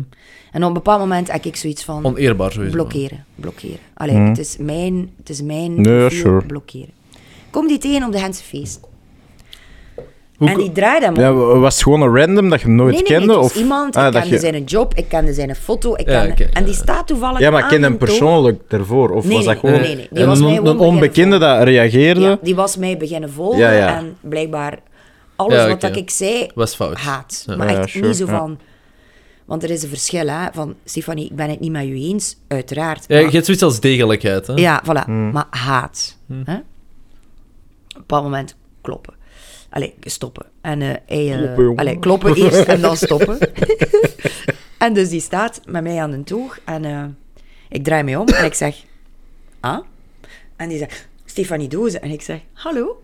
En hij zegt... Je hebt mij geblokkeerd. Ik zeg ja. Wij beginnen met elkaar te babbelen. Na een half uur zei die... Maar ik weet niet hoe tof en ik ga op u stemmen. Allee, snapte? Mm. Dus je wilt eigenlijk zeggen dat Twitter complex is, maar eigenlijk dat gesprek heeft geïntroduceerd en all good and good. Maar nee. ik zeg dat door Twitter die gast een compleet ander beeld had van mij dan dat ik echt ben. En dat hij mij echt gezien heeft. Dat Nee. hij zoiets zet van, eigenlijk Ja, is dat niet de bitch gelijk dat Nee, dacht dat maar ze dat. Nee, maar dat- dat bagger is- is... eens, maar ik bedoel, dat is geen reden om het af te schaffen. Maar nogthans, ik vroeg voor een finaal statement en je hebt het wel gegeven. Ik heb het gegeven, hè. Ja, Maar ik ben toch pittig oneens. dat, dat snap ik wel. hè. Je hebt daar de limiet van tekst dat je kunt, dus je kunt eigenlijk weinig contextnuance bieden. Hè. En dat, Dat deden we wel. Eh, maar langs de andere kant, ja, dat is het online gegeven gewoon, vind ik. Hè. Ik Als hoop je gewoon met iemand mensen samen aan een toog staat, je hebt alle twee een paar pinten Maar binnen, dat is een echt ander gevoel dan dat je thuis achter je schermpje zit en je zit tegenover... Dat is sowieso wat anders. Maar, Maar dat is het online gebeuren ik hoop versus het offline ja, gebeuren, maar vind ik ik hoop meer. gewoon dat mensen beseffen dat als je... dat doe, Mhm. wat dat, dat doet met iemand... Ja, dat heeft impact, dat hè, sowieso. Ja, Ja, ja. dat is niet zomaar impact, hè. Mhm. Dat is voor mij echt... Ja, maar ik hoop, ik hoop dat we kunnen evolueren, dat we het niet voor de ander doen, omdat u dat raakt, maar omdat je zelf zoiets hebt, ik wil niet die persoon zijn. Gewoon één stap Ja. vroeger. Als je dat niet wilt zijn voor jezelf, dan per definitie gaat je het niet uiten op anderen. Ja, sowieso. Want als je het enkel voor anderen doet, gaat het selectief zijn met je empathie. Mee eens. Maar ik snap het Mm. punt. Het, jij maakt eigenlijk hetzelfde punt, hè. Maar, Ja. eh, ja. maar nee, sowieso. Maar ik bedoel, degelijkheid, zij het face-to-face, zij het Voilà. online, zij het op elk ander niveau, dat is een heel pleidooi dat we houden. Ja. Want in general vind ik gewoon dat mensen, en nu ben ik eigenlijk aan het doen waar ik eh, mij ga tegen ga verweren, maar te snel gewoon een pleidooi zomaar gooien en voilà, en zonder erover na te denken, zonder dat in een format te steken. Maar je moet jezelf is- niet censureren, maar gewoon Ja, netjes. maar het ding is dat je dat veel minder hebt face-to-face. dan- Tuurlijk. En dat is mijn ding. Maar dat gaat nog wel evolueren. Ik Ja, ah, wel ja, sociale media is nog vrij nieuw. hè. Oké, dat bestaat ondertussen tien jaar of, of wat is het? Onze cultuur Maar- kan er niet mee om. Inderdaad, Er zijn- er we zijn kunnen nu nog wel niet mee gewoon om. Heel veel mensen dat ik weet gewoon... Allee, mensen die zeggen Johnny Maar, die gewoon vertrekken van op Twitter. Hè. Allee, van op maar X. ja, het En gaat goed niet terecht, ineens- Ja, ja. Goed recht, maar Absoluut, daardoor maar heb je ik dus hè, snap weer het, hè. terug die... hè, chamber. Fuck, hè, ja. Voilà. En dan zitten daar met Nendeke, hè, de, de snake Ja, maar dan moet je je hand durven uitsteken, hè? net zoals je het Mm. gedaan met die cultuur. eh, Voilà, en cultuur, dat hè. doe ik, maar Dat is ook een beetje- easy. Nee, nee, op een bepaald moment hè, zoiets van, dit is niet de job, hè. ik wil gewoon toffe dingen doen en nu compleet... Ja, voilà. En ik, ik Maar- allee, weet je, en ja, Midden. ik heb liever zoiets van, benader mij face-to-face, dan dat er mij Ja, zit af te uiteraard. maken. Ja, of gewoon want- degelijk. Hè. Allee, ik bedoel, je mocht een Ja, scherpe ja. mening zeggen, maar doe een poging om dat in een format te doen voilà. dat, Ja, voilà. Ja, ja, dat u niet, En- eh, dat niemand Maar en besef gewoon de impact dat dat heeft op iemand die eigenlijk in de politiek zit om dingen te veranderen, om, Hmm. om echt probeert goed te doen.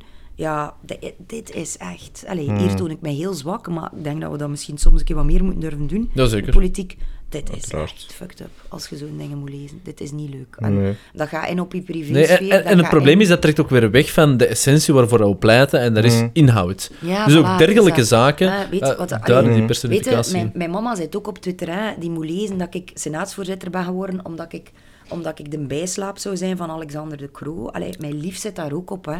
Dat is echt zo van, allee, dit, dit is niet Ah ja, oké. Maar ik bedoel, twintig jaar geleden bracht de Maar dat dagbladen zijn, en ja, ook wel, voilà, dat zijn daar rollers. Maar oké. En die zullen altijd bestaan, maar inderdaad. Het, het, het is een beetje format versus de boodschap dat je brengt. De boodschap zal altijd gebracht worden. Het format zal gewoon het medium zijn dat ze kiezen. Hè. Mm. Maar ja, ik snap het wel. Zo. Ik snap het. Niet Ja. fijn. Maar goed, we gaan... Voilà. eh, Maar goed, we gaan leuk nu- nu eindigen, hè. deze- nee, dat gaan we niet doen. Ja. Allemaal nog een adje. eh, Nee, oké. eh, Stefanie, om af te ronden, dank u voor tijd vrij te maken. Dank u wel voor het aangename gesprek. Veel succes ja, nog het was verder. heel gezellig. En, Dat is eh, tof. Ja, nog een voilà, keer dat is plezant. Dat- Sure. Ah, alhoewel, ja, ja. we doen dat eigenlijk niet echt recurrent. Jawel, jawel, jawel, We hebben maar één. Op een gast. Wie, wie, wie? Op een jaar. Jeroen Verdik. Dat Ja, is eh, Omdat een dat onze eerste echte gast was. Ja, maar die was onze allereerste guest. Dus die nam het echte risico. Maar ik vind wel oké En de we... hoeveelste ben ik? Eh, De hoeveelste gast? Ja, Dit is aflevering 125, ja. shit. Dat is speciaal. Maar Dat is niet 125. 150, jawel. Maar binnen, binnen vijf jaar sowieso moeten we de wetenschap evalueren. Sowieso, ja. Eh. Als je naar de Senaat komt, doe je even een quicksje. Voilà, even een snippet, een, een, een post op Twitter. Als je dan... Als je Dat dan- gaat afgemaakt worden, ik weet het, hè. Ja, maar dat mag. We hebben toch volgers nodig, of, of buzz. Maakt Oké. dan niet uit of dat een positief of negatief is is. ook bus. Ja. Voilà, c'est ça. Mogelijk. Nee, maar ehm, ja, voilà, een jaar of zo kunnen we dat zeker wel eh, doen. Ja, Alright. cool. Oké. Deal, wetenschap Alright. 5. En dan doen we dat op de Senaat. er hier iemand nog telt. Ja, Ja. dankjewel. Ja, ja. Maar we- Eh, het, staat, het staat vastgelegd, dus we kunnen het allemaal Veel succes. Tot later. Stefanie, hè. Bye.